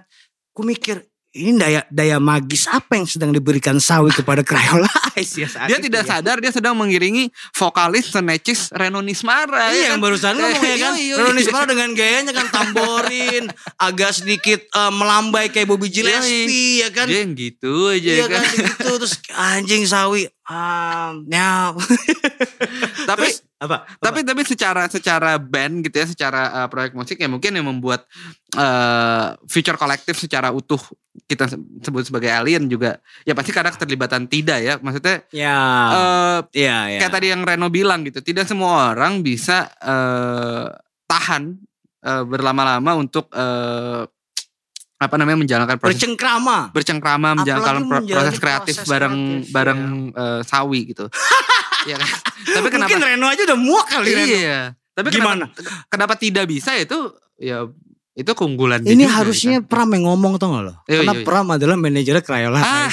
Dia harusnya pasti tahu bagaimana kelakuan antik dari uh, Sawilio. Pram lo jangan kebanyakan ngurusin kapal. Ini ini ini band lo harus diurusin Pram. Iya ini gimana nih Pram? Ini udah berapa tahun nih? Ini, ini udah berapa, berapa Mana? tahun nih? Aduh, albumnya mana? Al- coba? album cuma Seven Inch dua uh, lagu yang gambar depannya cewek itu tuh yang rambutnya Iya, pendek. Iya. Iya kan? Aduh, itu terus itu lagunya. terus, Aduh. itu terus. ya. Tapi gue dengar mereka lagi eh, selama karantina kita corona keparat ini, Hah? eh, mereka lagi rekaman tuh. Oke. Iya kan, lagi rekaman. Tapi nggak tahu nih. Dan Sawi katanya nggak pernah datang. Dan iya, ya kalau eh, ya nggak adil juga kalau misalnya kita ngomongin Sawi. Kalau tidak ya, Hmm. tidak itu yang setahu gue dia eh, dalam hal kealienan itulah pandangan politik. Betul. Kalau lo lihat em, Twitternya. Iya lo lihat album terakhirnya dia kaset tuh yang dirilis sama si uh, Papaya Records itu Apa nih Future Collective atau? Future Oh Collective, iya. Future Collective. Dia itu eh, bikin liner notes sendiri, Oke. ya kan? Isi liner notesnya adalah gue lupa sekarang, Heeh. karena bahasanya sangat intelek. Bahkan lebih intelek dari bahasanya Rio Tantomo ya. Rio Tantomo mah iya sih dia, cuman sih, lu jangan bikin gue awkward gitu dong. Emang gue intelek ya, yes? Yes, Hah? emang gue intelek ya? Iya, iya paling tidak lu merasa begitu. Oh iya oke boleh lah ya oke gitu kan oke kita anggap aja Rio Tantomo intelek ya aduh kan 150 ribu. Tenang ya. Lumayan sekali Ya, ya. Gila ini lebih lebih abis ini kita beliin apa duitnya Lebih- masa buat lo doang lebih duitnya untung daripada judi bola ini. Gua kalah Inggris kemarin ini. dan satu hal lagi eh, ya oke tidak tidak kita anggap aja dia eh, ke persentase di Future Collective itu tidak adalah sang penulis dan aransemen musik Yoi. ya kan Yoi. kalau Sawi adalah soulnya kali ya Iya. soul dari si future-nya itu Iya, iya. ya kan ya kan terus em, dan Sawi pernah mengaku ke gua ini kan lagi ngobrol nih biasa ya eh Saw dengerin lu kenapa sih dengerin jazz mulu terus tiba-tiba dia nyeletuk gua udah pernah dengerin satu juta lagu yo Sedap. Sejuta lagu katanya dengan aku. Masa sih Saw coba eh oke. Eh udah kan? Hmm. buktinya apa? Pas gue pas gue mau ganti lagu pas dia ah ini satu juta lagu. Ya udah lah udah kebanyakan lagunya. Itu kan nih gue kasih lagi eh denger lagu gue deh. Pas gue buka tab eh ini gue eh, laptop gue itu eh, Windows Windows Windows udah kecil-kecil segini nih. Anjir. dan itu diputer-puter dan dia selalu mengganti lagu setiap 6 detik. Oh iya iya. iya enggak Iya. Iya Gue juga pernah waktu itu nongkrong Jadi- di apartemennya Aldo. iya Iya itu kejadian Aldo juga kayak itu gitu. eh, yang punya Papaya Records tadi Iya, ya, iya. Aldo Ersan Yang merilis Future Collective yang juga ya. ya. Dan itu kecil-kecil-kecil gitu pas lu mau terapain sih ya? Saw akhirnya gue inspeksi dong Heeh, dari The Smith ya sampai Harapan Jaya, heeh. sampai lagu-lagu Minang, sampai lagu-lagu eh, instrumental nggak jelas. Dan semua itu heeh. diputar cuman nggak nyampe 10 detik Iya. sampai pada satu masa gue mungkin gue udah kalut banget kali ya denger ganti gue gue teriakin eh ngentot matiin anjing eh eh dimatiin sama dia udah kan tenang Hmm. Nggak pakai lama disetel lagi sama dia tab berikutnya gue bilang anjing ini anak gak ada obatnya akhirnya gue menerima dia sebagai teman Ya, ya udah kan ya itu kan ya Punya satu alien yang ya. punya akhirnya. ya tapi ya ada satu lagi kisah Apa tuh? Apa tuh? Wah ini kisah emang gue selama tiga tahun itu gue memang pernah pernah bareng dia ada salah satu, satu teman gue juga nih bareng sama dia nih. Akhirnya kita lagi nongkrong selalu nongkrong kan. Hmm. Dan Sawi itu kalau nongkrong sebenarnya nggak banyak ngomong, Hmm. nggak banyak ngomong. Eh tapi ngomong tau gak nama aslinya Sawi siapa? Nama aslinya Sawi. Hmm. Sebelum kita lanjut cerita gue ya, Gak tahu lah gue. gue tahu dari mana? Gue dari kirim email Oke. kan. eh, yuk gue mau kirim email. Wah dikiranya gue eh, wartawan mantep kali ya. Ah, ah. Gua- dia mau, wah tumben banget nih Sawi gitu. Oke pas gue lagunya apa? Eh lagunya apa? Emailnya apa? Rizky Aulia at gmail.com. Itu nama aslinya Sawi. Kayak Ucup namanya. Oh iya benar. Iya kan Rizky Oh iya benar. Itu nama aslinya. Sawi. Oke balik lagi ke cerita itu. Ah, Malam-malam nih. Mungkin sekitar ya Purnama ah. jam 12 gitu kan ya. Kita lagi asik lah. Iya iya. ya, iya. Ya lagi Lagi inilah ko- temperatur. ko- kopi berdiskusi ya. ya kan Heeh. temperatur Grateful Dead kan. Yoi, yoi, temperatur yoi. gitu kan. Heeh. Set tiba-tiba Salwi teriak cuy. Di saat-saat jam sepertiga malam dia teriak, "Salat! Salat! Salat!" Gue pikir dia nyuruh kita yang lagi jadi yang lagi jadi jadi Garcia buat salat. Gue bilang salat, ya nggak mungkin lah salat gitu kan, ya kan? Akhirnya dia, bra- dia berdiri bangkit dari sofa itu, dia dia buka kulkas, tau gak apa? Ada salad, Oh dia ngambil Salad. sendiri. Dia ngambil sendiri. salad Iya. bukan salad, ternyata salad, salad makanan. Iya iya. Iya. Dan dia berarti itu kan bukan rumah dia, Heeh. ya kan? Iya. Dia nggak tahu kalau itu ada salad, berarti dia, bisa membaca pikiran orang. Anjir. Itu sawi. Dia bisa menerawang isi kulkas cuy. Iya. Dan kan?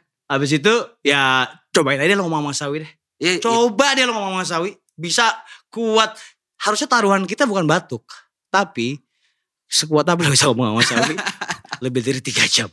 Dulu gue pernah punya ini. eh eh, games iseng. Sama Randy Lamunai. Ya kan? Ah. Kita mau bi bukan games. Ide untuk bikin show. Sawi dan Memen. Waduh. Ya. Jadi Memen ini Ariananda Suratman ya. Dia produser musik elektronik eh, di bawahnya bawah tanah ya. Di bawahnya bawah tanah dia ya, ya teman kita juga. Underworld ini mah Iya, udah iya, iya, iya. ini udah ah udahlah ya udah akhirnya kita mencoba untuk mau bikin show Sawi dan Memen. Oke. Akhirnya nggak terjadi lah karena susah juga ya, nggak mungkin minus sama minus gitu kan ya. Tapi coba lo bayangkan kalau itu terjadi, apa yang akan terjadi? Apa yang akan eh, kita alami? Apa yang akan eh, bisa kita ceritakan?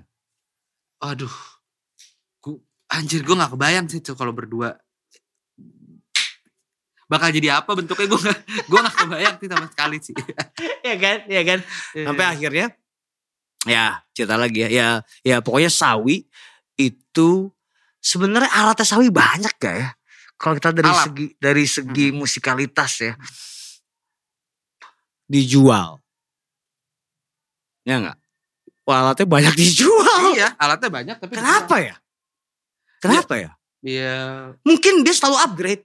Oh Mungkin. mungkin mungkin dia Iya nggak? menjual untuk eh, beli alat musik yang baru. Iya, alat yang, Iya. ah, namanya ya mungkin ya atau dia udah download di di, di Mac-nya. Jadi Iya. dia perlunya softwarenya aja gitu Iya, kan.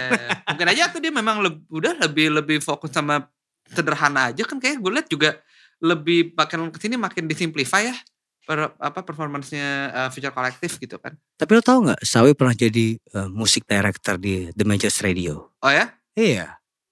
Dan The- mungkin jangan-jangan The Majors Radio sukses sampai hari ini gara-gara Bukan, dia Sawi. dipecat Nggak ya? abis itu. karena karena ya gue nggak tahu apa alasannya. Hmm. Tiba tiba-tiba gue datang sana, Sawi udah gak kerja lagi. Kagak, kenapa? Keluar. maksud gue, maksud, itu kan aneh gitu ya. Ma- itu sebuah kerugian besar buat The Majors Radio. Iya. iya. Menurut gue kehilangan Sawi. Kehilangan Terus Sawi Sawi lah. dimuseumin aja. Bener. Cocok kalau dia Bener, dimuseumin. bener. Dibikin patung di Madame Tussauds tuh cocok sekali. Oke, Oke. kita next kali ya ke Next daftar ya. selanjutnya. Sawi no offense taken ya, Sawi ya. Ya, nah, Kita- Sawi eh ya udah. Ya udah lo, Dia emang- lo emang kayak gitu anjir. Selamat wah, bekerja dia bekerja di pasar Santa. Jadi kalau lo penasaran sama em, spesies satu ini, Hah. to weird to live, to rare to die. Iya enggak? Ini namanya Sawilia ini datanglah ke pasar Santa. Heeh. Dia menjaga sebuah toko eh pernak-pernik lah ya. Yoi, yoi. Ya, namanya Holo Moholo, Oh ya? Molholong, Molholong. Iya. Bahasa Batak aja. Iya benar, itu punyanya bekasnya masih Speedkill. Oke. Jadi lo datang ketemu Sawi dan lo ajak ngobrol deh. Oke. Ya udah Rio, Selamatkan. langsung lanjut ke daftar selanjutnya.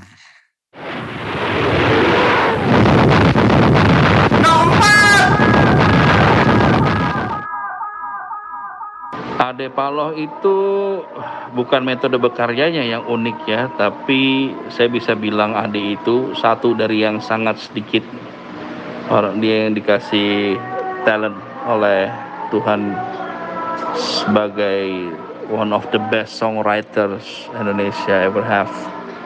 Karena eh, apa begitu lugas dan nggak lugas juga malah ya. Kata-kata itu kebanyakan metaforik. Ya kan udah jarang juga tuh sekarang. Zaman sekarang yang nulisnya tuh eh, syairnya tuh metaforik. Udah gitu eh, muatan pesan yang ada di lagu itu juga menurut gue pribadi sih nggak nggak enteng-entengan ya. Dan bisa beradaptasi sama certain keadaan itu wah itu buat gue special. Kalau cerita unik yang bisa dibagikan itu tentang Ade Paloh itu dia itu kalau lagi produktif hampir kayak Beatles gitu. Jadi sehari itu bisa bikin beberapa lagu.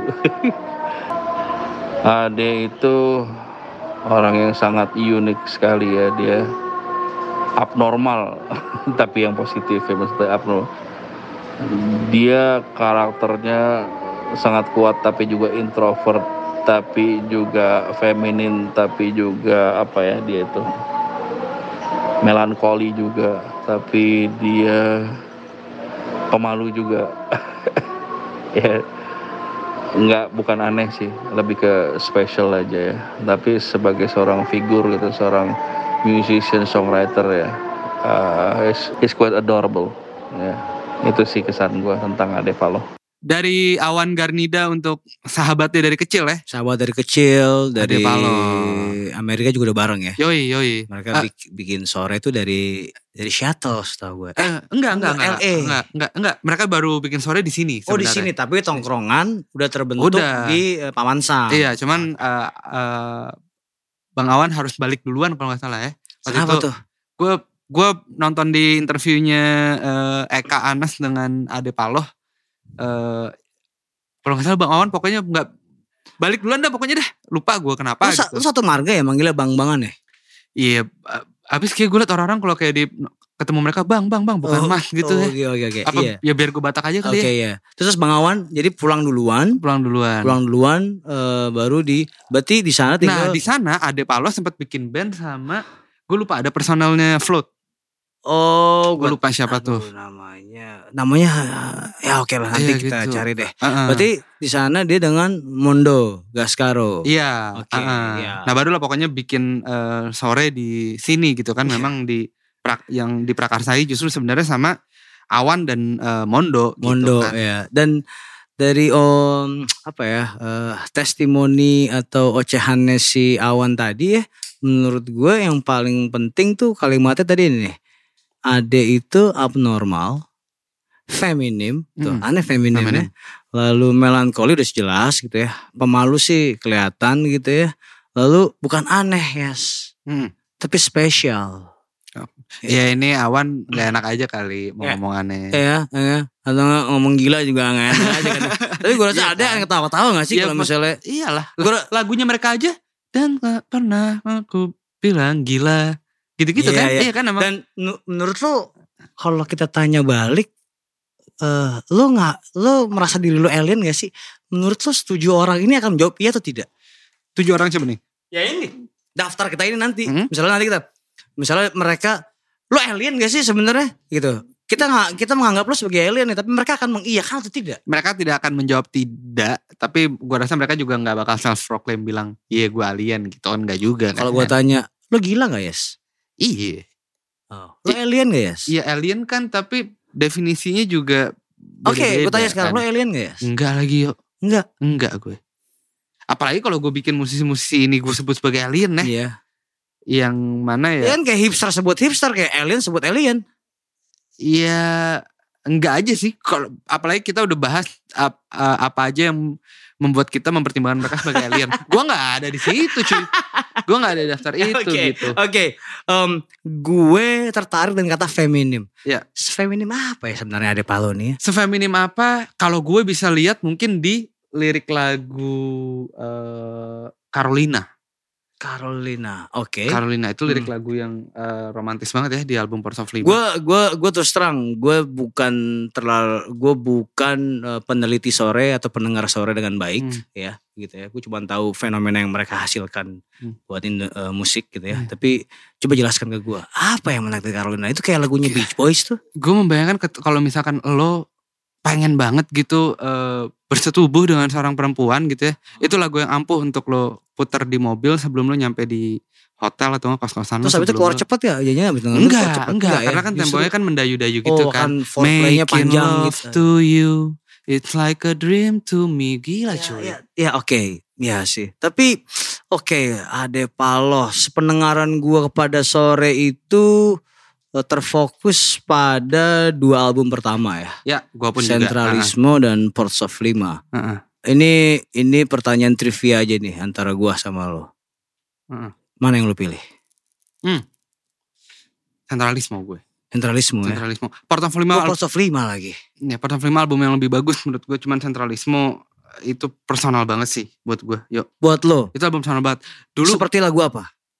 eh, bahkan gue pernah mendedikasikan eh, lagu lihat itu untuk seorang sahabat lama gue yang gue eh, udah lama lah nggak main sama dia gitu Hmm, hmm. lagu Somos Libres yang tentang eh, kebebasan gitu ya, itu gue denger tahun 2005 pas gue lulus lulusan SMP ya buat gue itu gue mau masuk masa SMA tuh kerasa banget oh ini nih kebebasan gitu kan dengerin lagu cermin dengerin lagu keangkuhanku Cermin, itu gue ya. dalam tuh dengan Iya, lagu itu iya, gitu iya. Dan dan seberapa kayaknya porsi penulisan lagu di sore mereka berlima itu rata ya. Rata, rata. Rata ya. Rata. Siapa yang menyanyikan, dialah yang menulis Kayak gitu. eh, lagu tersebut ya. Iya, kayak gitu. Kayak mungkin tadi sebelum kita eh, memulai daftar ini ya, ada satu lagu yang diputar musik di dalam. Ada musik di Ada dalam. musik di dalam. Di dalam mana nih sebenarnya? ya kan? Ya kan ada di dalam mana Iya, gitu kan? iya, iya. Bisa aja kan. Iya. Maksud menurut gua itu dia pesan-pesan subliminal Iya, itu loh. Iya, iya. Dan dan Itu lagu dinyanyikan sama Awan sebenarnya. Iya. Tapi yang menarik, lagi-lagi Ade Paloh di ujungnya dia tiba-tiba entah kenapa dia bilang nasi uduk. Tapi menurut gue yang oke itu itu itu diksi liar. Ah. Tadi Awan juga bilang itu diksi liar. Diksi liar, Tapi betul. se- satu detik sebelum dia ngomong nasi uduk dia ngomongin Yoi, yoi. nasi uduk. Ada ada eluhan itu tau gak lo? Aha. Jadi kayak dia kayak ngecengin ya kan kayak mungkin dia udah muak didayu-dayuin gitu Hmm. kan ya. Terus akhirnya dia mulai keluar em, eh, apa ya?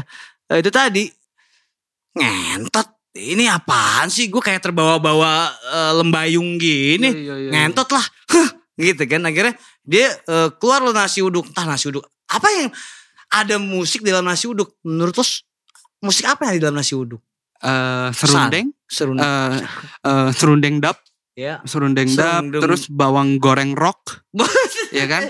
atau em eh bossa nova Semur. kebon kacang. Yoi, iya kan? bossa nova ah, tapi Ade, Ade bukan cuman di lagu itu doang loh, pernah tiba-tiba eh kasih apa sentuhan yang aneh gitu. Iya, Ada iya. satu soundtrack eh, film Janji Joni, Iya. Fang The Hole. Ini kebetulan dia juga yang nyanyi kan. Iya, Fang the Hole. oke. Di terakhirnya kalau lu denger outro itu dia teriak-teriak nggak jelas gitu kan.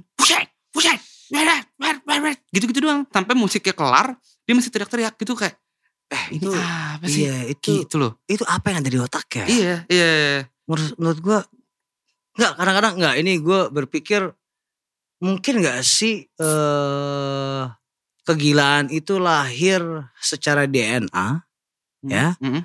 atau keanehan itu lahir secara DNA ya atau dari pemakaian narkotika Heeh. atau dari broken home atau memang eh, dia eh, ingin menjadi sesosok yang berbeda sesuai mungkin dengan idolanya atau dengan atau musiknya lah yang Hmm. mendrive dia untuk menjadi gila. Menurut lo gimana ya? Ya, Kalau- ya ini according to the Funk the Hole yang yang track-track terakhir Iya. itu ya. Kalau gue lebih setuju yang di awal ya, tapi apa pun faktornya sebenarnya ya akhirnya eh, Ade Paloh punya hidup yang eh, menjalankan hidup yang begitu eh, penuh dinamika aja kali ya. Dan dia dan dan dia orangnya dalam banget. Gue pernah sekali nanya sama dia waktu itu ada ya pertanyaan waktu itu gue lagi nanya untuk International Jazz Day. Gue nanya sama dia, "Eh, gimana akhirnya lu bisa pertama kali mendengarkan jazz? Apa yang membuat lu suka sama jazz? Eh lagu pertama yang mengenalkan gue sama jazz itu adalah lagu Honey Pie-nya The Beatles dia bilang. Oh, tadi kan Awan juga sebut. Ah, Awan kan Liverpoolian juga tuh kan. Yoi, yoi. Apa nama bandnya? Eh, Jiplak. Jiplak ya, dia bilang lagu Honey Pie-nya The Beatles di situ dia menemukan ada ritme-ritme jazz eh, yang gua gua gua nggak segitu ngerti ya tapi dia bilang itu ada di ada di lagu-lagu Charlie Parker dan dia bilang Wow. dia bilang dia menggambarkan eh, suasana itu sebagai suasana kekuningan, kuning, suasana senja. Jadi yang gue tangkap Ade Palo ini benar-benar merasa merasakan eh, secara mendalam eh, notasi-notasi musik, eh, jelas. gitu loh di di, di jelas. dan dia, dirasakan dan, secara dalam. dan dia nggak sekolah seinget setahu gue ya mungkin gue salah koreksi deh kalau gue salah Mm, dia nggak sekolah musik dia sekolah bisnis kalau nggak salah mm, mm. secara ada klan palohnya ya entahlah Iya. dia itu anak atau paman gue pernah sekali wawancara dia pertama kali gue wawancara sore itu di studio pendulum Hmm. studio tempat mereka merekam lagu cermin untuk kompilasi Jakarta sekarang ya kan? Oke. ya gue iseng aja. Palo nih lu siapa ya? Surya sih gue bilang gitu. Ah udahlah lu gak perlu tahu. Makin curiga kan lo gitu tapi ya, kan. tapi ya dia ya dia, kan? dia turun keturunan ya kan. dan tadi lo bicara jazz em, si Paloh adalah juga seorang pemain trompet. Yoi.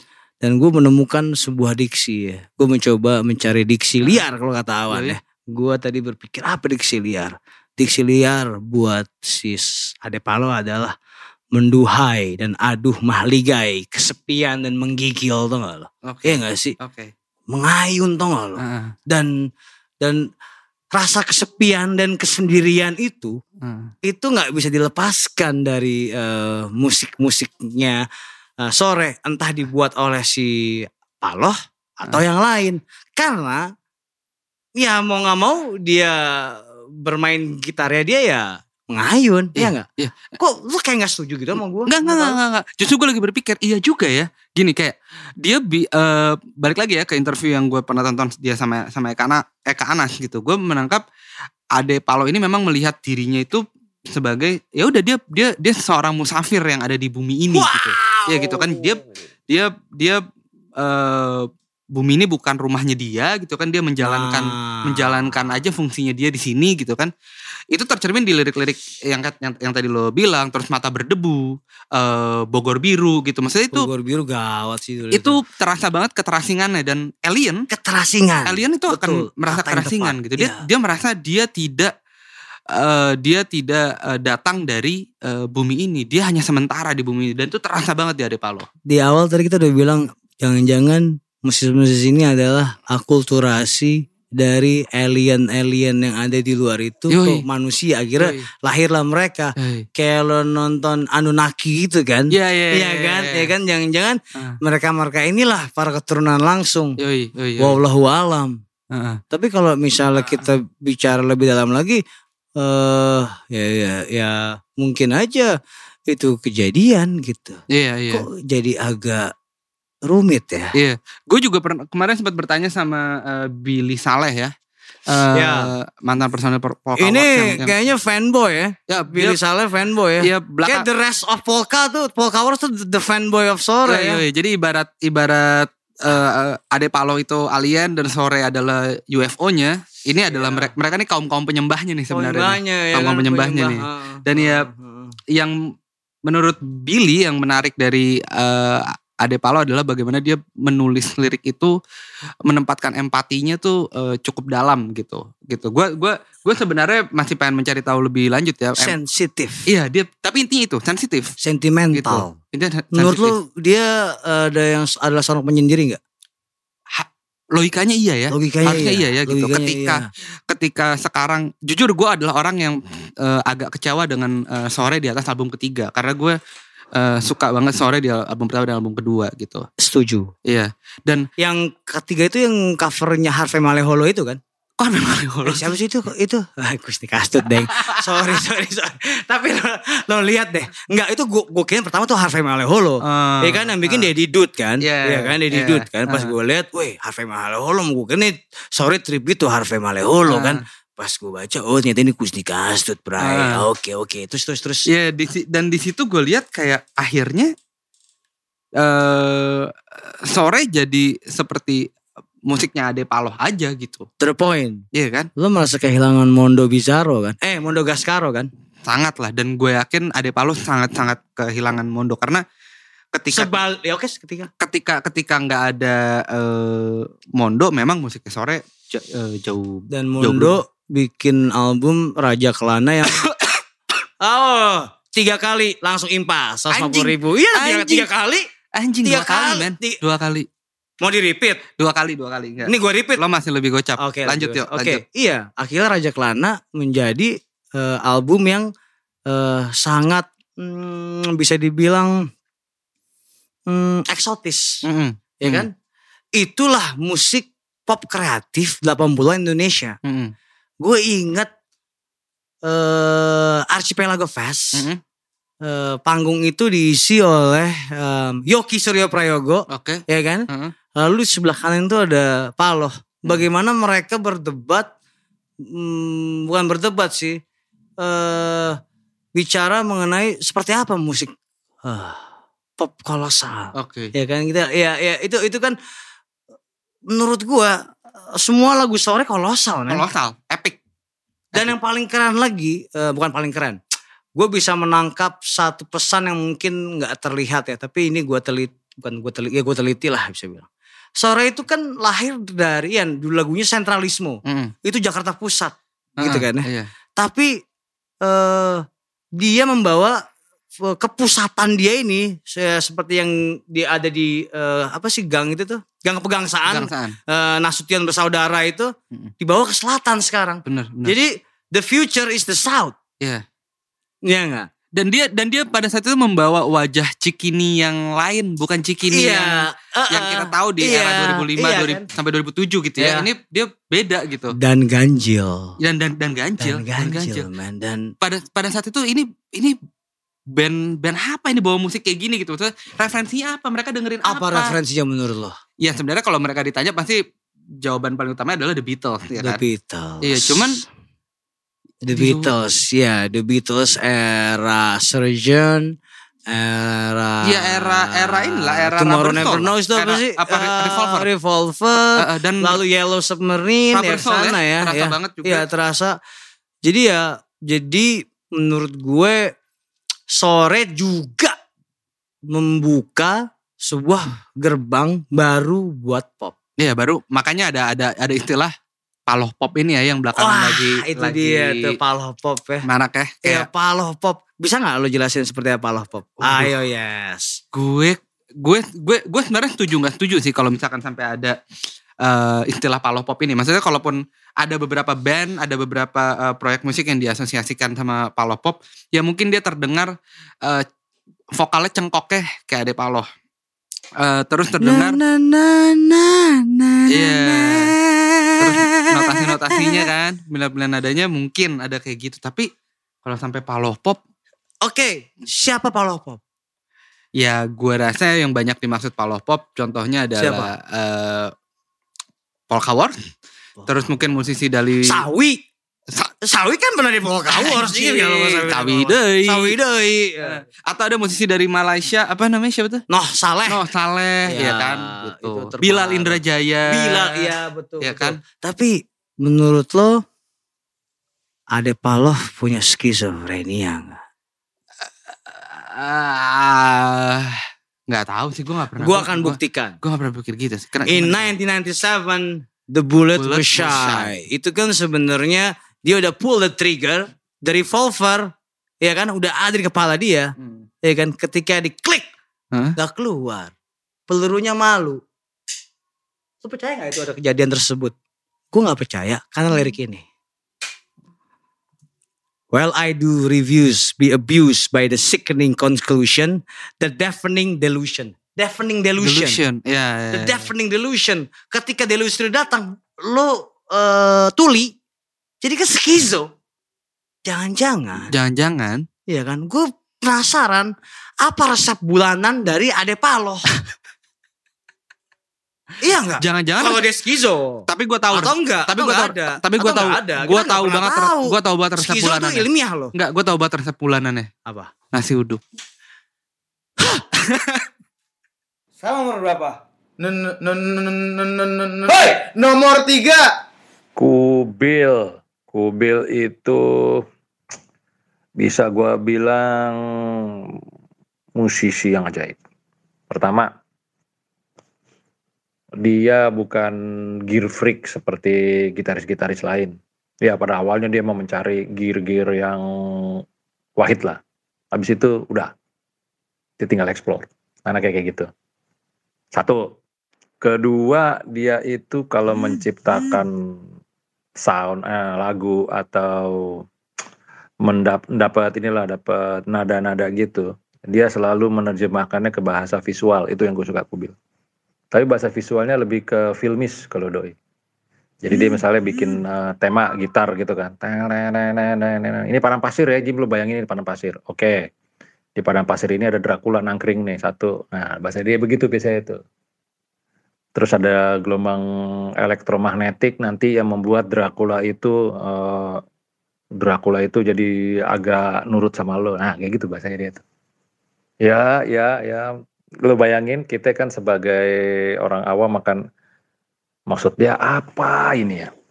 Yang ketiga, dia bisa memperdaya kawan-kawannya untuk eh untuk ini, untuk apa? Untuk tujuan dia tapi kita tidak tersakiti. Nah, itu sebuah skill buat gue.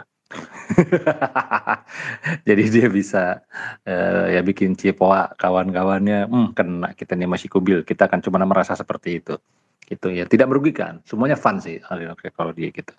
Kalau balik lagi dia lagi bikin musik, eh dia itu eh, sangat percaya gue lah, gue boleh gue bilang gue GR lah ini.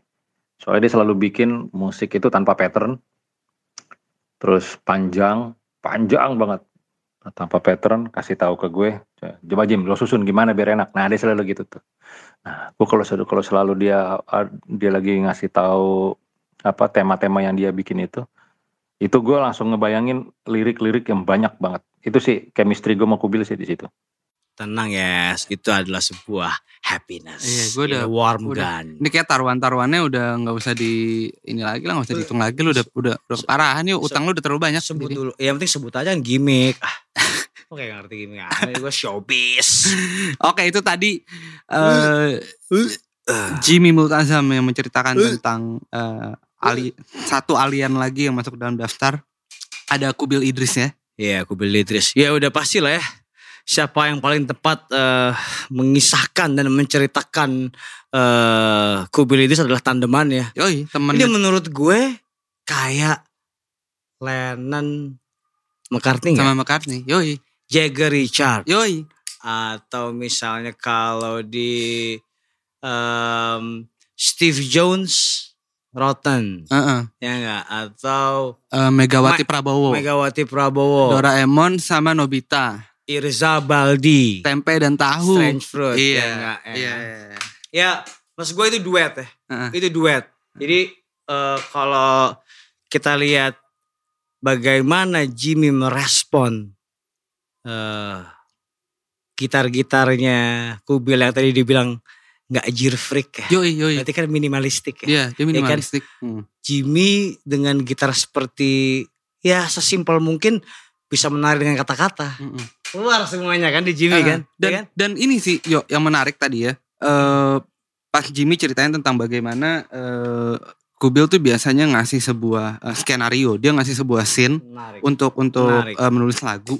Jadi gue jadi berpikir gini, eh Jimmy ini kan liriknya gila-gila banget kan. Iya. eh ya tentang tentang eh, apakah aku ada di Mars atau mereka mengundang orang Mars dan sampai lagu-lagu yang lain gitu kan. Iya, sama ya itu. Ya maksud gue akhirnya gue jadi berpikir jangan-jangan yang selain memang karena Jimmy jago menulis lirik, tapi itu semua terjadi gara-gara eh Kubil itu adalah seorang director yang yang benar-benar bisa ngasih gambaran ke Jimmy, Jim kayak gini loh Jim. Akhirnya sampai benar Jimmy tuh kebayang. akhirnya sinematik di kepala Jimmy keluar. Iya. seperti Jimmy bilang kan, filmis. Film ya ya kan? Iya.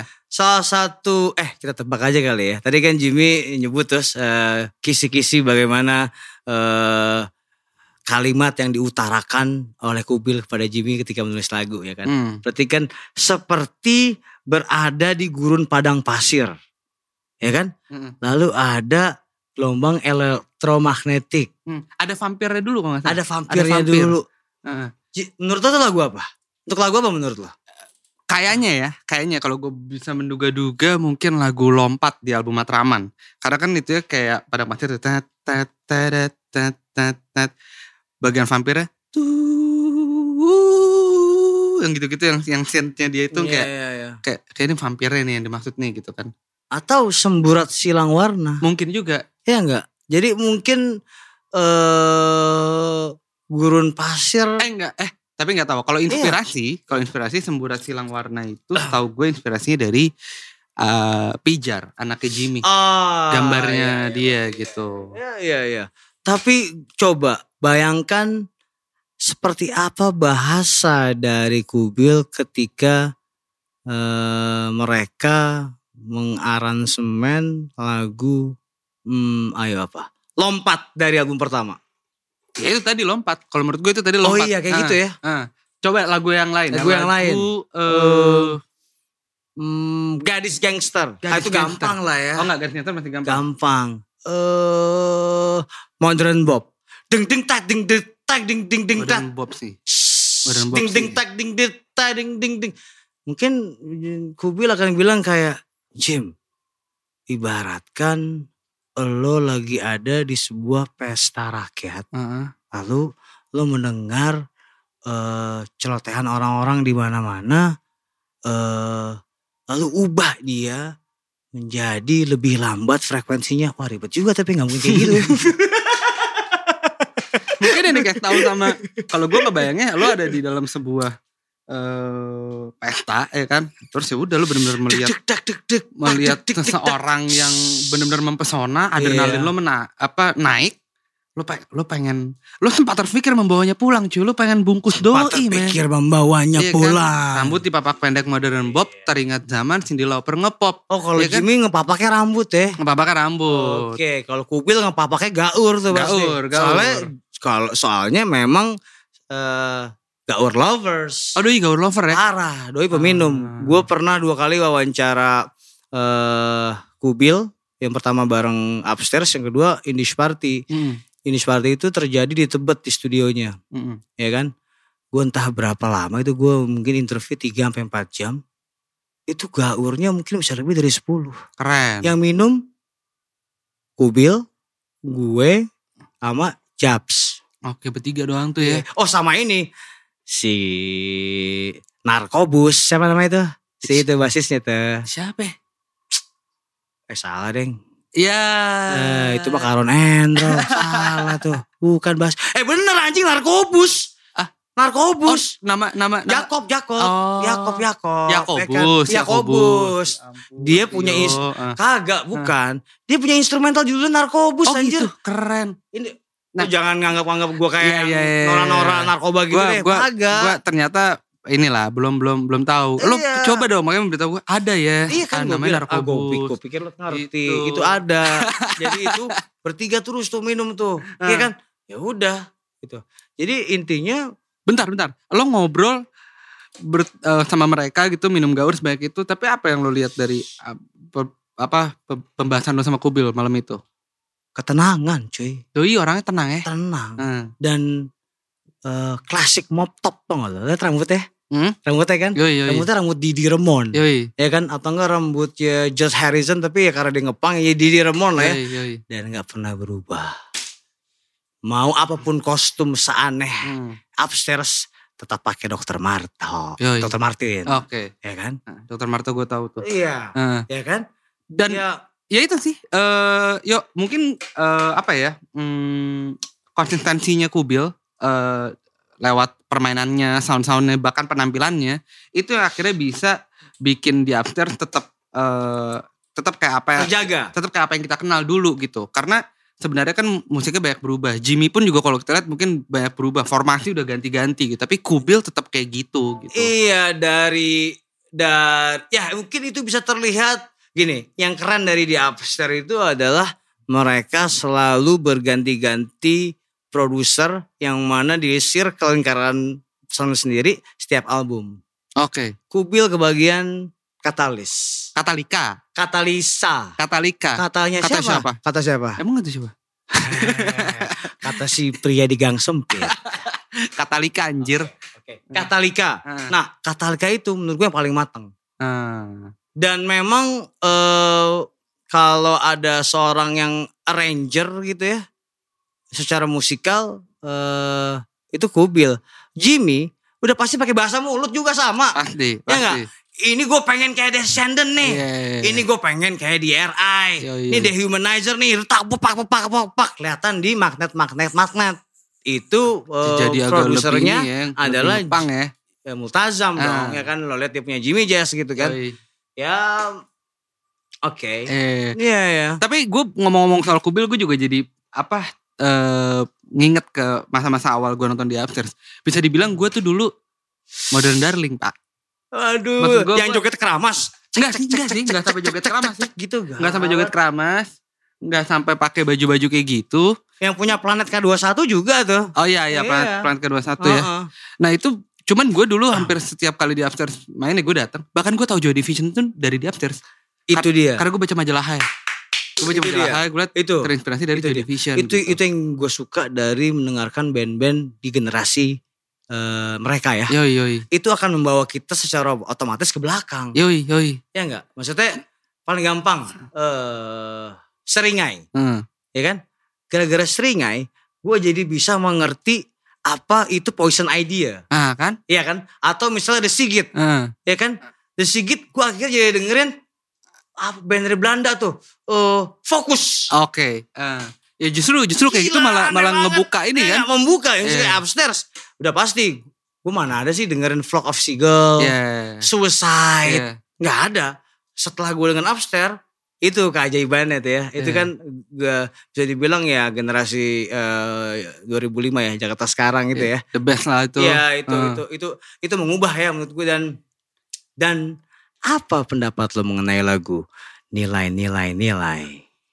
Jadi gue pernah eh sekali datang ke acara di KJ gue lupa acaranya apa waktu itu sama teman-teman gue eh, dan di upstairs lagi main di upstairs eh, si Jimmy bilang eh, nyawer deh kalau ada yang mau eh, request gitu kan terus akhirnya kita request lagu eh, nilai-nilai nilai gitu karena gue juga juga suka banget sama tuh lagu iya kan gitu ya. itu lagu salah satu lagu yang raw gitu kan di album Nilai nilai nilai. Ya Bener- itu rekamannya yang jorok sendiri itu, gitu Iya. Tapi anarki. Wah anarki aneh banget sih Anarki. Anarki aneh banget sih.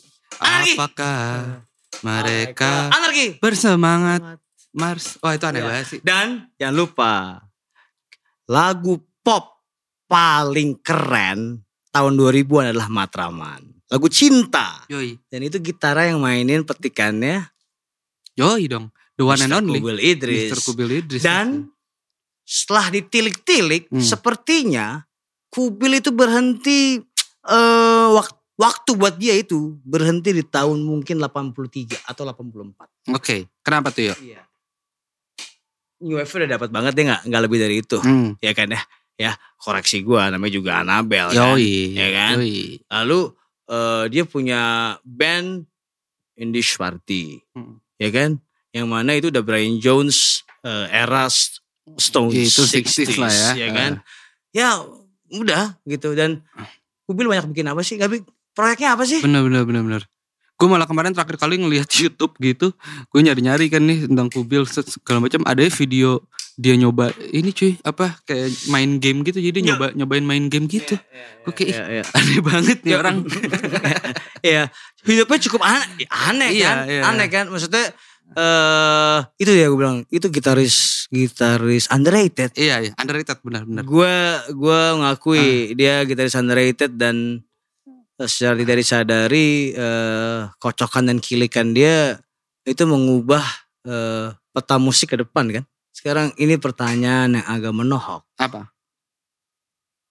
Dengan kekerenan, keanehan, segala macam dari Kubil. Apakah Upstairs bisa membuat karya yang lebih baik lagi ke depan gitu? Maksudnya apakah dia masih relevan kah? Itu pertanyaan paling basi. Hmm. Cuman ya kan ibaratkan Joni Remon masih hidup Hmm. gitu ya. Apakah dia masih relevan bermain musik trichord candy rock Heeh. eh, di tahun 2020? Iya, gue berharap, Kubil ya. gue ya, Kubil. hmm, gue yakin duo ini nih, duo tahu tempe Jimmy dan Kubil ini bisa sih, bisa sih. Mereka pasti akan menemukan lagi caranya untuk untuk dan Gue skeptis enggak lagi. kenapa tuh yuk? Karena rock udah mati cuy. Kenapa? Rock udah mati cuy. Ya mereka nggak harus main rock kan? Disco rock. Git gitar driven.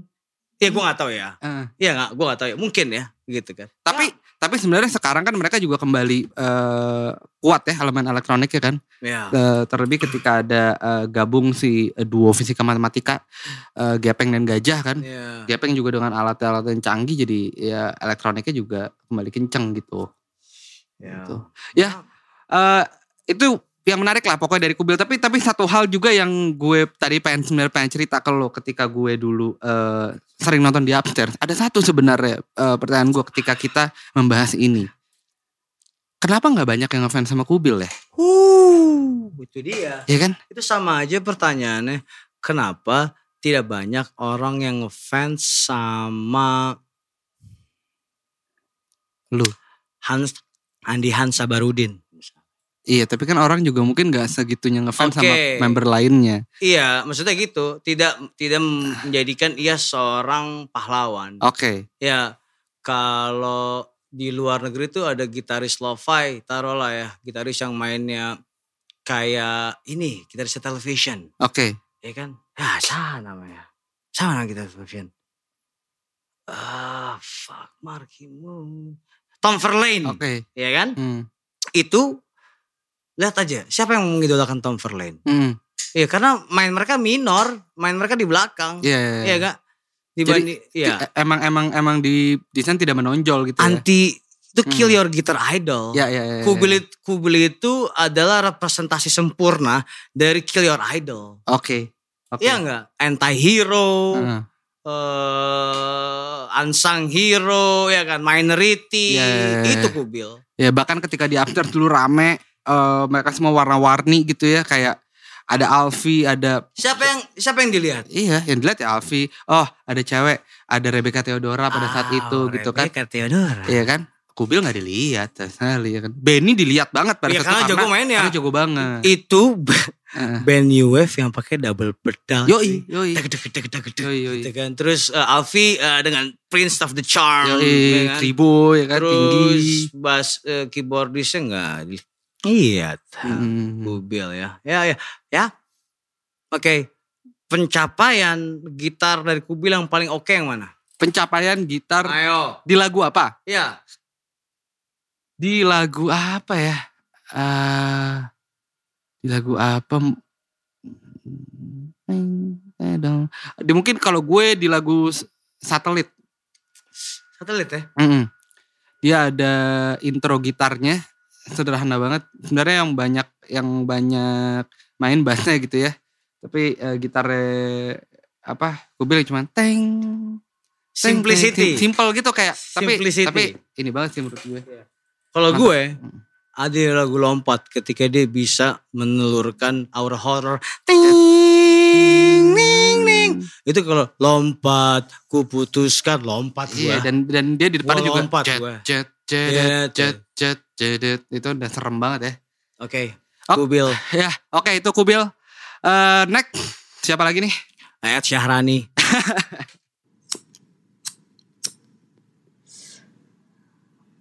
Nomor dua. Halo, saya Denny MR.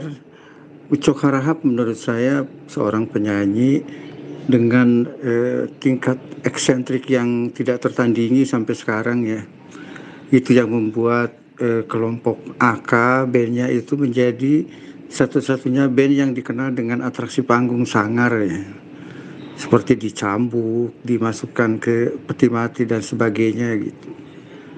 Saya pernah wawancara dengan Ucok untuk majalah Rolling Stone eh, beberapa tahun lalu dan eh, dia punya konsep yang jelas. Artinya menurut dia eh, dalam bermusik itu persentasenya adalah 60% eh, panggung sensasi, 40% adalah eh, musikalitas. Dan itu yang dipegang teguh sama dia, eh, dia konsekuen sampai dengan akhir hayatnya. Nah, yang menarik dari Ucok adalah justru kontroversinya. Di balik sosok sangarnya itu, Ucok itu seorang yang eh, berperangai halus ya. Kemudian lucu dan eh, sedikit penakut ya Ucok itu. Jadi eh, beberapa saat sebelum meninggal saya pernah bersama Ucok menengok Ahmad Albar sewaktu masih di lapas Paledang Bogor dan eh, pertemuan kedua superstar itu eh, terlihat penuh haru ya Ucok di luar dugaan menangis sesenggukan di eh, Ahmad Albar sementara Ahmad Albar ya cuek-cuek aja gitu cuma senyum-senyum aja gitu. Ucok dengan Ahmad Albar itu pernah membuat eh, buku ribo ya yang menurut penuturan Ahmad Albar buku ribo itu sebenarnya itu idenya dari Ucok. Walaupun pada kenyataannya dari empat album yang dibuat oleh dua tersebut Ucok hanya menyanyi eh, paling banyak dua lagu ya itu karena waktu itu posisinya eh, Ucok di Surabaya Ahmad Albar di Jakarta dan rekaman kebanyakan di Jakarta ya. Jadi Ucok bagi saya tetap merupakan uh, vokalis rock yang unik, yang sangat kontradiktif, yang sampai sekarang eh, belum ada gantinya. Numero dos. Ucok Harahap. Wah, ini gawat nih. Sekarang tapi ya gua gua coba deh, gua tes, gua tes lo ya. Gua tes lo ya. Apa yang lo tahu mengenai andalan Ucok Harahap? Eh, Ondolan Ucok Harahap. Eh bentar bentar bentar. Gue mau ralat dulu nih yuk tadi yuk. Lo Apaan lagi bedon juga lo yuk. Tadi yang kita ngebahas lagu lompat. Ya kan? Hah? Pas kita ngebahas lagu lompat lo Hah? tadi ada bilang ini ada yang keren eh, bagian gitarnya Kubil. Yang kayak horor ya gue bilang kan. Keren. Itu synthesizer gila. Itu gitar anjing. Itu synthesizer. Lo lo kebanyakan dengerin Jo Satriani sih. surfing di alien. Aduh, Gila gila. lo. Enggak, Kebanyakan denger Topati sih lo. Masa sih? Masa sih itu uh, synthesizer? Synthesizer dong. Tapi gue tau yang main siapa? Yang gitar yang awal. Tapi gue tau yang main siapa? Siapa? Bin lah. Yoi, Iya yoi. kan? Oke, oke sorry sorry sorry. Oke, Maafkan. gua jawab pertanyaan lo. Apa tadi? maafkan. Apa yang lo tahu dari Ucok Harahap? Gue gak banyak tahu sih sebenarnya soal Ucok Harahap. Cuman yang gue tahu. Eh sebagai Batak lah. Aduh Batak tuh apa ya luas banget lagi. Hmm. Cuman ya Ucok Harahap ya. eh, vokalis band AK dan Ya. dua kribo. Dua kribo. Kalau gue yang yang gue pernah denger-denger, yang gue tonton atau mungkin ada beberapa bacaan yang pernah gue baca ya memang dia eh, terkenal dengan eh, aksi panggungnya yang gila ya. Ya, Eh, dia pernah itu. digantung Iya. gitu kan. Eh, ya kayak Digantung terbalik. ya ya pokoknya kayak kata-kata Mas Denny MR tadi ya. eh, penampilan panggungnya memang gila gitu kan. Iya, iya, iya. Gitu. dan dia ya itu dari gue pernah baca buku apa ya gue lupa ya pokoknya dia sempat luntang lantung Ya dia tuh dari ya Surabaya dia dia, di, ke Jakarta dari dia sempat tinggal di terminal Gambir man. tinggal tuh ya Tinggal. Gila Ucok Harahap, Ucok Aka. Terus dia pernah tinggal mengungsi bersama istrinya di Sawangan, hidup di gudang. wow Ini ini ini penting buat kita semua nih. Heeh. Ini penting. Kalau kata Queen, Heeh. Freddie Mercury, too much love will kill you. Eh, eh. hmm nggak jelas nih Itu sebuah petanda buruk. Makanya jangan terlalu kemakan cinta. oh gitu ya Hidupnya Ucok hancur gara-gara cinta. dia dia dia Jadi ketika Hmm. dia ada di puncak eh kesuksesan, Hmm. ya kan? Dia jatuh cinta sama seorang perempuan namanya Farida. Rida oke Farida ini anak seorang brigjen angkatan darat namanya Alex Ciptadi, Mm-mm. ya kan? apa yang terjadi Disuka lah nih sama Farida kan, dikejar lah Farida. Ternyata udah dihamilin, ya kan? Datang anak dua kawin. Hmm. Ternyata keluarga Alex Ciptadi ini tidak suka, tidak menyetujui bahwa anaknya, anak perempuan yang cantik, dia juga seorang aktris. Yoi. Ya kan, gua dia main di film apa gue lupa lah ya. Eh menikah punya keluarga dengan seorang rocker urakan, alien, gila, sinting, nggak jelas Dukun. nih, ya. Habis dukun itu, lagi eh, dia dukun, nanti gue Eh, ceritain, nanti gue ceritain. Ya kan? Habis itu, dibawa kabur lah. eh, Farida, sang istri dan dua anaknya. Namanya keren. Richie dan Sutra Carmelia. Habis itu, pencarian lah dia. Bingung, dia cari segala macam, segala macam. Di mana anakku, di mana istriku, di mana istriku, di mana. Bingung, sampai akhirnya karirnya jatuh. Yoi. Ya kan? Terus, dia menempuh jalur mistik. apa tuh jalur mistik gimana kata seorang dukun Heeh. di sekitar Kediri, oh gue kira dukun kenalan lo si pria dari Gang Sempit. gue Si kira lo kan lo kan dulu pernah nanam kolor kan di depan rumah Gua- siapa tuh Gue pernah ya nanem gigi kucing Heeh. ya Heeh. di bagian bawah batang gue tau gak lo? anjing buat Supaya lucu kan cewek-cewek suka tuh sama kucing tuh. Hai, oh lucu, lucu. Ah. Nah, ya, itu, itu, Gitu gitu. ya? Ya, ya. Gila. Ya, balik ini ke Ucok. alien sebenarnya oke balik ke terus Ucok.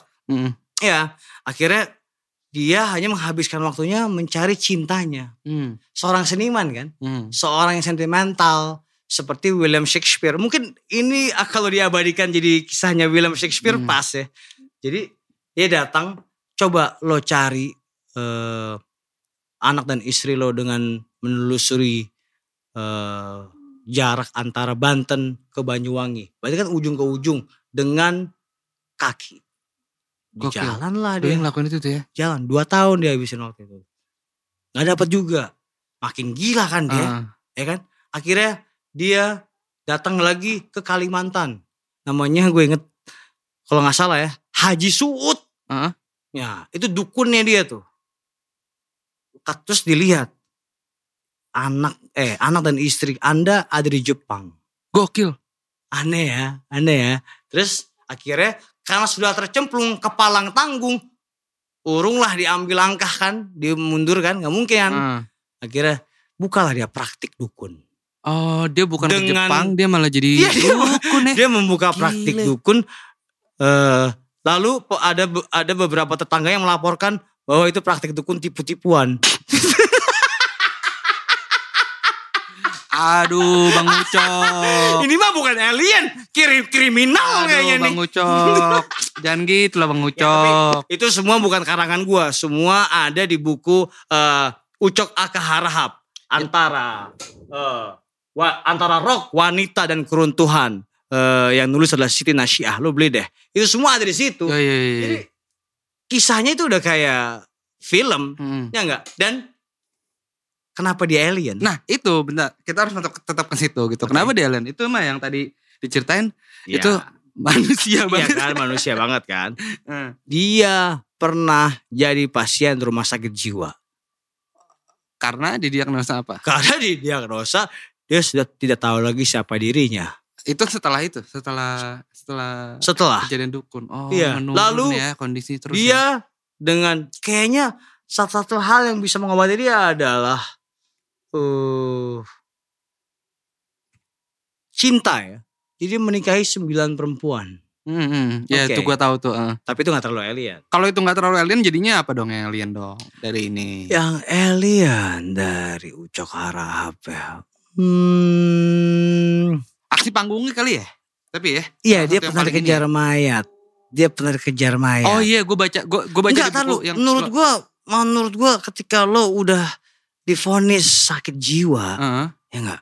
Lalu berarti kan ada otak lo yang geser tuh Ah, ya. ah, ah. Ada hal yang ada relung kosong tuh dari jiwa lo yang dimasukin gitu kan ya. Iya. Entah sama apa gitu kan. Hmm. Lo udah bukan kesadaran lo udah bukan kesadaran penuh seorang manusia kan. Oke. Dan itu secara eh, langsung Hmm. akan mempengaruhi eh, psikologi lo dong. Iya Oke, kan? Oke. Lalu dia sering semedi, dia katanya sering semedi sama gombloh. Oh ya? Iya. Ah. Dia sering semedi sama gombloh lalu buka praktik dukun gitu.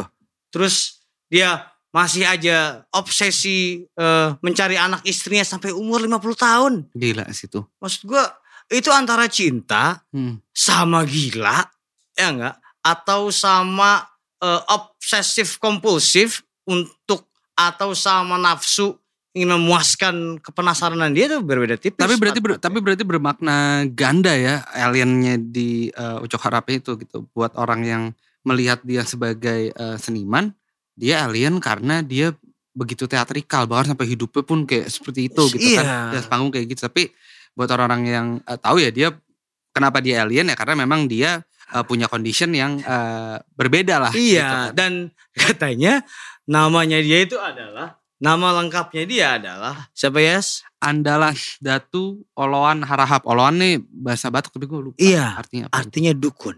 Masa sih? Andalas, Oloan. Oh enggak Oloannya? Iya. Masa sih? Andalas, Oloan, antara Andalas dan Oloan itu artinya dukun. Oh. Jadi sebenarnya dia tuh udah natural born shaman. ditakdirkan jadi witch ya. Iya, akhirnya ketika dia Hmm. eh, mengalami hal-hal spiritual aneh ini, Hmm. memang udah jalan hidupnya gitu kan. Wah iya sih. Gue beruntung Nah. pernah menonton Ucok Harahap. Hah? Di? di Jakarta Rock Parade 2008 dua bulan atau tiga bulan sebelum dia mokat Waktu itu mainnya sama mainnya mainnya sendiri Oh, sendiri? sendiri sama Oh, bandnya jadi dia datang rambutnya udah putih semua Hmm. ya kan naik ke atas pakai baju putih putih putih Gua penasaran kan ini kayak apa ya akhirnya bener loh keluar itu eh, algojo algojo dengan cambuk Hmm. cambukin bray Gokil. umurnya 73 tahun kalau nggak salah terus habis itu dia headstand tapi jatuh mulu headstand Ya jatuh headstand jatuh gua gua ngakak tapi kayak Anjing kayak kakek umur 73 Gila, tahun iya. ya. Habis itu dia Jadi jatuh kayak bantuin. terus dia bawain lagu ini Sex Machine James Oke. Brown Sex Machine gak lo dia ngayunin ke eh, ini eh, doggy style ke eh, keyboard Sex Eh. Machine Lah, akhirnya dia akhirnya yang, yang ditunggu-tunggu adalah adegan digantung kan ya kan? datanglah tuh yang gantungan set datang anjing di dia deh yang gantungan deh Ah. ya kan Bener loh. Di, abis dicambukin kan lemes tuh dia dicambukin tuh sama sama dual gojo. Gue inget banget. Diikat lah kakinya. Dikerek itu itu si eh, gantungan yang gantungan. Berdirilah kaki di atas, kepala di bawah. Anjir. Udah, terus dia nyanyi, teriak. Anjing. Wah, gue berharap me. bisa bisa nonton Ya itu dia. penampilan Itu. doi sih. Lalu Gokil. Lalu gue punya pengalaman juga bertemu dengan Ucok Harahap lagi saat, sekali lagi. Hmm. Ini sebelumnya. Gue ada liputan eh Soundrenalin di Malang Oke. yang diadakan di lapangan Rampal. Hmm. Lapangan Rampal itu adalah jalur ya ini setahu gue mungkin nih jalur em, lintas provinsi mungkin lurus ya Hmm. dari Kediri. Ucok itu pernah di eh, pernah berguru atau dieselumkan di kota Kediri. Oke. Jadi ketika gue baru turun dari bis wartawan dan gue ingin registrasi wartawan, banyak orang berteriak, wow, gitu kan. Wah ada apa nih kan? Darah darah wartawan gue menggelinjang. Yoi, yoi. ada apa ini? Ya kan? Gue lihat ke belakang, terbuka itu jalan tuh, set. Lewat loh dia loh, seorang kakek-kakek naik motor matic, ya kan? Rambutnya ber- tergerai gitu ya. Hmm, ngebut. Yang, tapi wah gila. Gila, itu kayak Musa membelah laut ya. Iya, itu putih-putih. Gila anjing. Ini ucok mantep banget pas dia lewat depan gue. Gue ketawa sih, ada ada ada ada perasaan heroik dan ada ketawa. Karena box di belakang dia tuh ada ini eh, rice cooker. Lo tau gak kalau kalau misalnya eh, touring-touring tuh kan suka ada box box gitu. Oh iya. Dia pakai rice cooker. Rice cooker rumahan gitu. Rice cooker bikin nasi. Anjing, buat apaan cuy? Ya mungkin itu eh, boxnya dia dari Kediri menuju Malang. Gokil. Gue nggak tahu lo tebak isinya apa di dalam itu. Kemenyan, jambe jampi atau Atau emang nasi? atau mic. Iya. atau Ya mie. berharap dia bisa eh, featuring di anak-anak muda. Wah, gila. Ya itu, ya itu. Ya itu Ucok Harahap. Ya menurut gue kurang alien apa? Iya. Seorang kakek-kakek eksentrik. Tapi seperti kata Denny Emer tadi, dia adalah seorang yang lembut. Dia bukan grumpy old man, ya kan? Hmm. Ya kan? Jadi dia akan lembut, dia menangis ketika Ahmad Albar tertangkap heroin, Iya, ya kan? iya. Dia datang, dia menangis di pundaknya. Sedangkan Ahmad Albarnya kayak Ternyata yang oh, ditangisi aja. bukan Ahmad Albarnya, tapi diri dia sendiri yang akan mati dalam waktu sebulan atau dua bulan setelahnya, ya kan? Dan mungkin juga memang dia menangisi hidupnya dia yang Iya, bisa kalau lo baca di ya. kalau lo baca di biografi ya, Eh. ketika di bab 88 itu judul judulnya adalah kemaluanku membengkak Oh itu penyebab, Akibat- penyebab kematiannya dia ya. akibat kanker prostat. Heeh, Jadi dia prostat. menangis gitu ya. Ya Tuhan, kenapa engkau beri aku eh, kesusahan seperti ini? Apa apa apa dosaku gitu. Ya, ya. Untuk untuk seseorang yang dulu sangat sangat, sangat digi- puja. Dia digilai banyak wanita Dua ribu. dan digilai banyak wanita terus Ah, iya. end up dengan end kanker up, prostat. end up, end up, Ah. end up. Jadi bahkan di eh, masa-masa kemasan AK ada selalu dia yang dapat perempuan. Oke. Ganteng kagak, cuman keren kan. Gitu kan. Terus ada satu cerita lucu, ada cek nenek umur 60 tahun yang ngebet minta dinikahi. Wah anjir.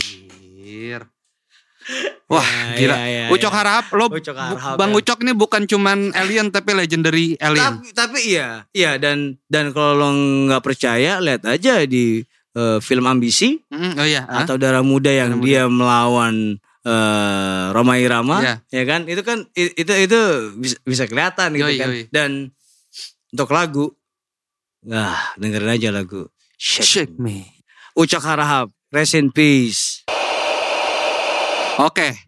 Jadi Ya.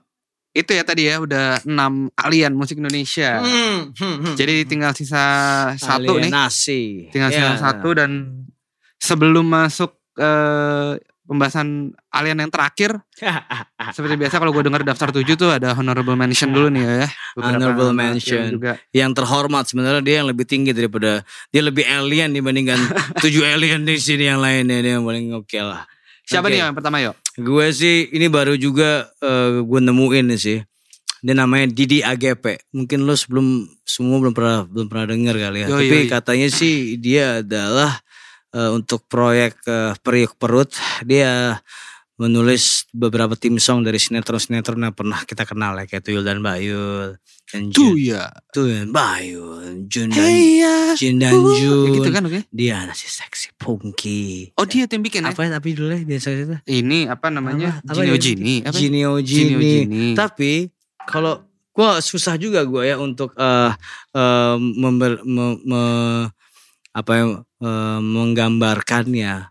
Lo mendingan sekarang sambil gua ngomong, lo buka Google, terus lo buka nih Didi AGP eh, di YouTube ya.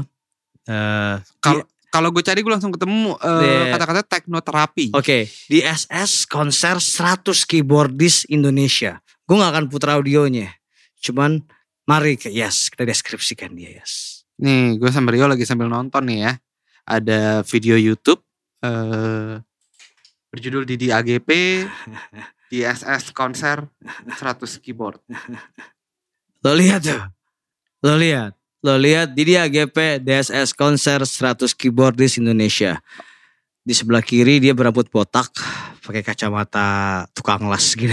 Yo cuy, tahu. gila di bentukannya. Terus bajunya eh, perak-perak milenium gitu ya enggak botak plontos lalu di sebelah kirinya ada eh, mungkin asisten DJ ada gak sih asisten DJ? Ya mungkin inilah ya apa Dia namanya? pakai pakai kubus eh, kayak mungkin apa nih kayak Deadmo 5 nih ya. Iya, Terus iya, dia iya, pakai kayak gitu. ransel, Ah. terus musiknya ethno techno. Ethno techno ya. Iya, jadi dan- jadi kalau misalkan teman-teman lihat juga dia bahkan sampai mengeksplorasi alat-alat musik kayak hang drum, eh, alat-alat musik akustik eh, Iya. tradisional yang kita belum pernah lihat. Ya, Inilah This is the real futuristic dan dan eh, sekarang dia eh, banyak menulis lagu sound healing ya, meditasi dan mungkin karena terlalu alien dan terlalu nyebrang, Mhm. akhirnya ya udahlah gue mencoba menyeimbangkan diri ya. Yoi. Sebenarnya si Didi AGP ini juga mengingatkan gue pada sosok Andi Ayunir. Ya kan? Oh iya, Ya, almarhum Andi dengan gaya ya. yang sama ya, Mm. dengan persis gaya yang sama. Bahkan di eh, algoritma ada tuh Didi AGP mengenang Andi Ayunir. Mungkin Oke. mereka memang saat Wajar sih kalau merasa mereka satu ini. spesies ya. Yoi, satu spesies. Oke. Andi Ayunir juga tadi sempat eh, mau masuk ke daftar kita ya. Iya. Cuman kalau gue secara secara tampilan ini mengingatkan gue pada seorang penyanyi Rusia namanya Vita. Mungkin kalau teman-teman suka Hmm. lihat ada di banyak lah beredar di meme-meme gitu. Jadi dia penyanyi Rusia dengan bentukan kayak kepala robot gini nih yo. Nge- eh, Terus lag- suara itu yang tinggi gitu. Eh, Cuman, eh, ya itulah.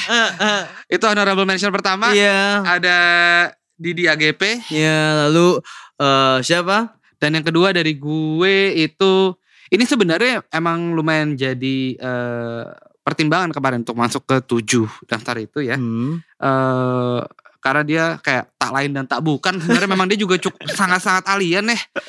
Eh Zika Seli. Oh ya, oh Zika Seli, hmm, dari gelagatnya aja udah ya kan. Lalu kalau bicara sama dia itu sebenarnya frekuensinya eh agak gue nggak tahu mungkin dia yang lebih tinggi apa gue yang lebih rendah gitu ya. Jadi frekuensinya itu memang pelan lambat. Iya. Gue wawancara Zik itu udah dua kali gue wawancara Zik. Oke. Iya kan? Yang pertama itu tapi orangnya sangat humble Oh. sangat humble. Gue bahkan anjir, ini adalah orang yang pernah ngatain Soleh Solihun karena menghina album Salaka Salaka dan dia membalas ya ini sangat elegan menurut gue dengan menulis lagu Rolling Like a Stupid Oh Stone. iya, Rolling Like a Stupid Stone. Bener bener bener. Gila, bener. Itu kan itu sebuah sebuah sebuah balasan yang elegan dan jenius menurut gua. Ya enggak? Dan gua boleh nggak gua izinkan gua eh, mengutip kali ini artikel tentang Salaka Zalaka yang gua tulis di tahun 2010 Coba coba. ketika album itu rilis. Em, Ini review ya atau apa? eh, bukan, ini kalau ini, ini profile ya, feature ya. Iya, sebagai gua- penulis gua- senior ya, Rio iya, kan udah di nulis ya, musik dari gitu. tahun 76 ya. Iya, jadi kata dia, secara nggak sadar, ternyata konsep album ini adalah alien, kata Zik. secara tidak sadar. Iya, dia tidak sadar bahwa dia setelah menciptakan musik-musik yang eh, sci-fi, alien, dan secara tidak sadar juga dia akhirnya mengalienasi diri Hmm. di studionya di Black Studio itu. Oke. Iya kan?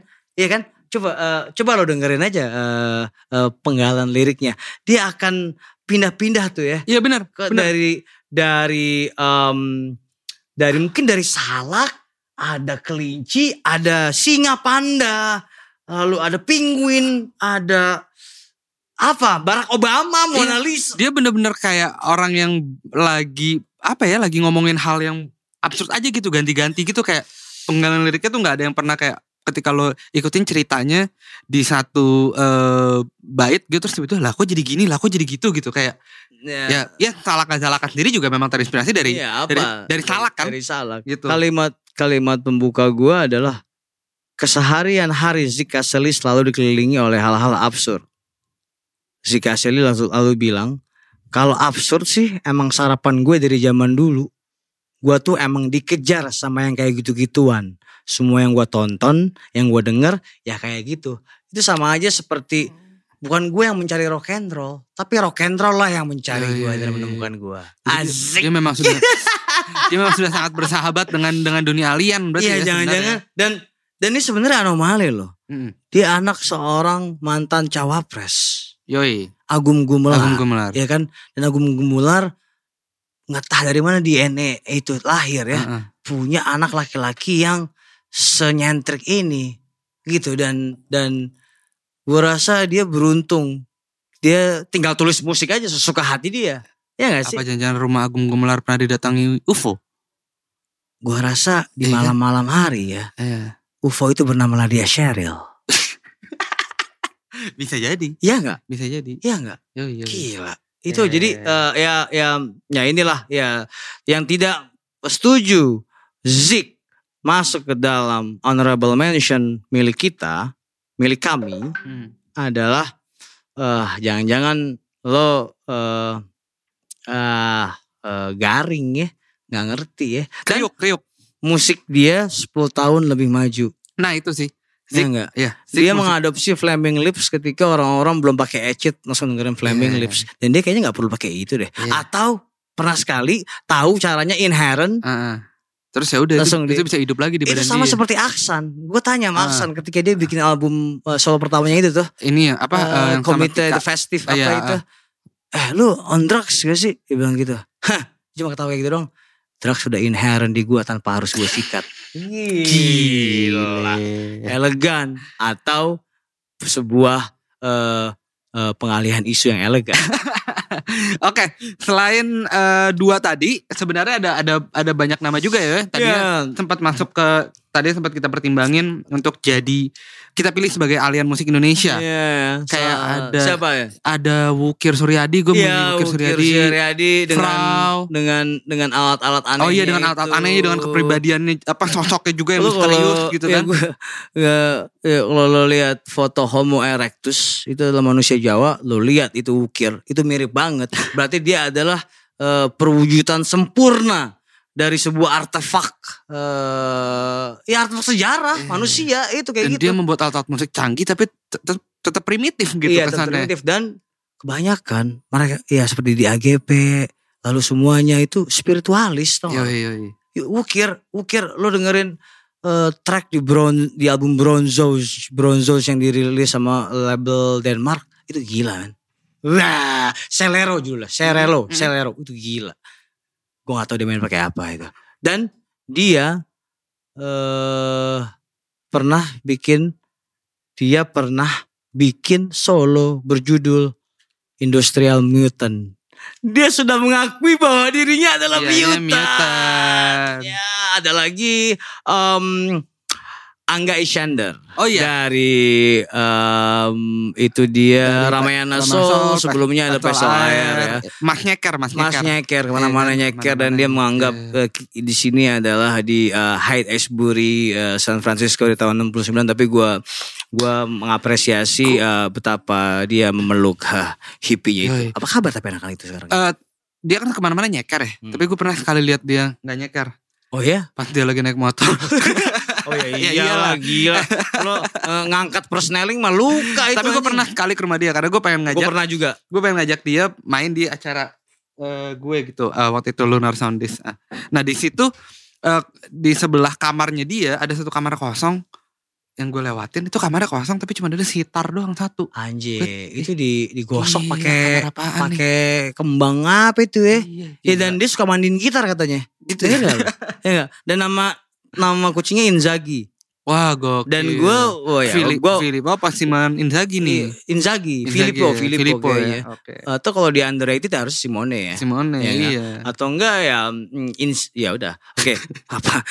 Gue wawancara dia di dalam kamarnya Hmm. eh, Angga ya. Itu kamarnya gue inget banget sekaligus menjadi studio dia. Hmm. ya kan itu dinding perdamnya berwarna coklat gitu kan ada banyak eh, apa sih kalau di atas tuh buat eh, kertas-kertas telur itu ya bungkus-bungkus iya. telur itu kan untuk meredam Hmm. gitu kan lalu ada komputer lalu di pojok sebelah kanan gue inget eh, dan se- sebelum ada pojok sebelah kanan ada bau-bau tai-tai kucing berarti dia hidup bersama kucing Bau beneran bau tai kucing nggak sih? iya Hmm. habis itu sebelah kanan ada eh, kasur Hmm. Kasurnya adalah kasur bangsal rumah sakit. Lengkap dengan selimutnya yang garis-garis putih ya klasik gitu gak lo? gila men. Gokil, gokil. Oke, ya mungkin itu ya. Eh, honorable mention mungkin kalau kalau ada yang nggak masuk ya sebelum kita maju nomor satu, lo tulis di komen. Lo Ya, tulis ya, di ya. komen. Boleh lo banget sih ntar kalau Ya lo tulis aja lah. Mungkin kelewatan dari kita atau misalnya atau lo merasa diri lo absurd, ya lo tulis juga di komen kenapa lo absurd. kalau merasa lo lebih Atau lo alien. lebih alien atau lo merasa lo beneran alien ya lo invasi aja ini bumi. Kita masuk ke Ah, nomor 101. Oh. kita recap lagi kali ya dari Recap ya. pertama di Nomor 7. di nomor 7 ada Culapo. Culapo, Ambon Ambon Priambodo. Priambodo, si Kribo. Yoi, terus juga di Ah, peringkat 6 ada Otong Coil, JAV, JAV dan di Wah. peringkat 5 ada Future Collective. Sawi fucking Lia. Sawi fucking Liu. Setelah itu ada Bang Ade Paloh dari Wah, sore. ya F. kan? Ahmar Paloh baru rilis solo kemarin. Dengerin. Yoi. This Allowed. Terus juga di peringkat 3 ada gitaris handal dari The Upstairs, Kubil Idris. Kubil Idris. Ya kan? Dan Ya, yang si Classy Mop Top. Dan yang barusan kita bahas sang legenda Ucok Haraha. Cocok harap tukang kawin dan dukun dari Kediri. Oke, langsung kita dengerin eh nomor satu. Lah. Nomor satu. Halo, gue Ricky Virgana. Ya kalau menurut gue sosok Bin Harlan itu amat sangat mewakili eh, yang eh, tujuh musisi alien di Indonesia gitu. Waktu itu kita pernah ke Jalan Surabaya lah waktu itu di rumah kita ke kiosnya almarhum Bang Lian. Eh, dia dapat plat Apollo Binyamin. Terus gue tuh sebenarnya pengen banget plat itu. Ya udahlah ya, udah telat gitu kan. Terus tiba-tiba besok paginya eh apa dua hari berikutnya dia datang gitu ke flat gue waktu itu. Eh, terus tiba-tiba dia datang, dia bawa plat itu terus dia ngajak tukeran sama eh, plat Kamen Lennon kan pada waktu itu gue nge-reissue Kamen Lennon gue pikir ah nggak usah bin. Lo kan udah dapat kemarin. Gue bilang gitu. Saya bilang nggak nggak nggak apa-apa nggak apa-apa. Eh, dia kayak buat ngasih ke orang akhirnya ya gue juga gue bingung kan. Ya udah gue gue kasih dua. Kalau nggak salah gue tuker eh, dua plat Kamen Lennon sama si Apollonya Benjamin itu. Habis itu baru eh, lahir lagu eh, jajan rock buat gue tuh absurd gila. Maksudnya kayak dia kepikiran dia bisa bikin lagu yang liriknya amat sangat keseharian kita dan keseharian hobinya dia gitu. Baru habis itu tiba-tiba dia bikin album kalau nggak salah operasi apa gitu. Itu ada satu lagu yang menurut gue paling absurd itu es mambo kacang ijo gitu ya. Gila kan liriknya? Es mambo kacang ijo digigit plastiknya gitu kan. Tiba-tiba ada bagian yang yang chaos gitu. Es mambo kacang ijo es mambo kacang ijo itu, itu ngawur tapi tapi sosoknya keren ya kayak kayak apa ya? Kalau orang mungkin mikir dia nggak bisa main musik tapi menurut gue dia sangat genius sih. Tahu gimana cara menempatkan lirik-liriknya sama lagunya yang terkesan sederhana gitu. Ya pokoknya lirik-liriknya ngaco ya dari mulai yang es mambo kacang ijo kiri kanan jatuh cinta diam-diam sama kerja itu liburan ya itu beberapa dari karya-karya absurd dan alien Oke, ternyata sosok alien di puncak klasemen adalah tak lain dan tak bukan Tak ini sih. lain, bukan dan dipastikan iya baik dari segi fisik, dari segi produktivitas, Yoi. proses, Eh, profilnya. profilnya. Jadi sebenarnya dari pertama kali gue sama Rio kita waktu itu nyusun daftar ini ya kita benar-benar kayak langsung kebayang gitu loh. Nomor satu ya adalah ya atau eh, eh, sim monumen atau simbol dari alien yaitu ya Harlan Burr. iya gitu Ya kayak dan abangnya sebenarnya. Iya, iya, iya. Andri Bur dua itu Oh, ya. iya, iya. Dua itu sebenarnya udah kayak incing. Udah, gue sampai menemukan satu kosakata baru gara-gara gue menulis tentang eh, Harlan Bur. apa tuh? Pria ini berasal dari galaksi Gabir. Galaksi Gabir itu apa, apa sih? Galaksi Gabir itu galaksi yang tidak tersentuh, tau lo aneh. Oke. Iya itu, jadi eh, anjing. Kalau pernah mewawancara dia ya? Gue pernah wawancara Eh. dia berapa kali? Sekali. Sekikuk itu kah dia gitu ketika Dia emang bawa, eh. dia emang bawaannya kayak gitu. Itu gue nggak bisa bilang dia adalah seorang yang hmm, apa ya? Dibilang aneh. Hmm, emang kayak gitu gitu gue suka ketawa-tawa ngengis-ngengis sendiri. Tapi tapi gue eh, eh, eh, eh, gitu kayak eh, yang gitu gitu. Terus tapi semua ceritanya mengalir dengan baik gitu ya, sebagai seorang storyteller gitu kan. Dan dia tidak pakai drugs. Oh iya. iya, iya. seperti kata tadi kayak kata Batman pada Anggun kan. Hmm, iya. nggak nyikat aja Nggak begitu nyikat aja apalagi begitu, nyikat. Dan Iya, itu kan iya, iya. sama. Berarti itu original alien. Iya, iya, begitu iya, kan? iya. tidak tidak artifisial Iya, gitu. jadi ya ya ya itu. Dan memang apa ya kalau yang paling menarik juga kalau misalnya tadi lo bilang dia kikuk dia apa segala macam itu tuh tercermin betul di karya-karya dia gitu. Iya. lo lo ngelihat lagu-lagunya eh, Bin Harlan dari zaman Kemon Lennon sampai dia eh, karya-karya solonya gitu.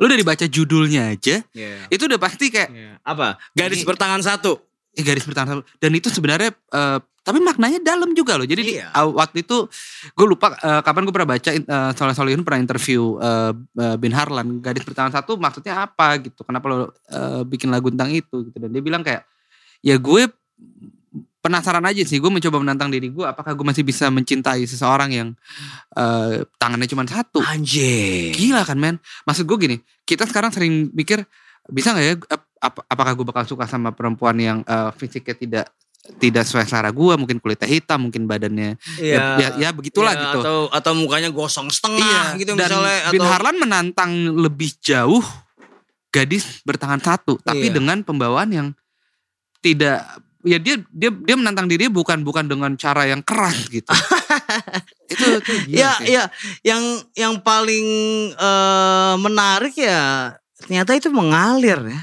iya iya mengalir ya Em, tapi hmm, yang juga menjadi kealienan dia adalah kepalanya gue yakin sibuk banget dengan produktifnya yo, pastilah, yo. Gila Ini dia setahun aja bisa mungkin 3 sampai 4 IP ada sakit operatik, ada Iya. sakit sakit generik. generik Gila sakit generik apaan anjing? Maksudnya sakit apa ya sakit generik? Operasi kecil, sakit Operasi generik, kecil, ya ya kan?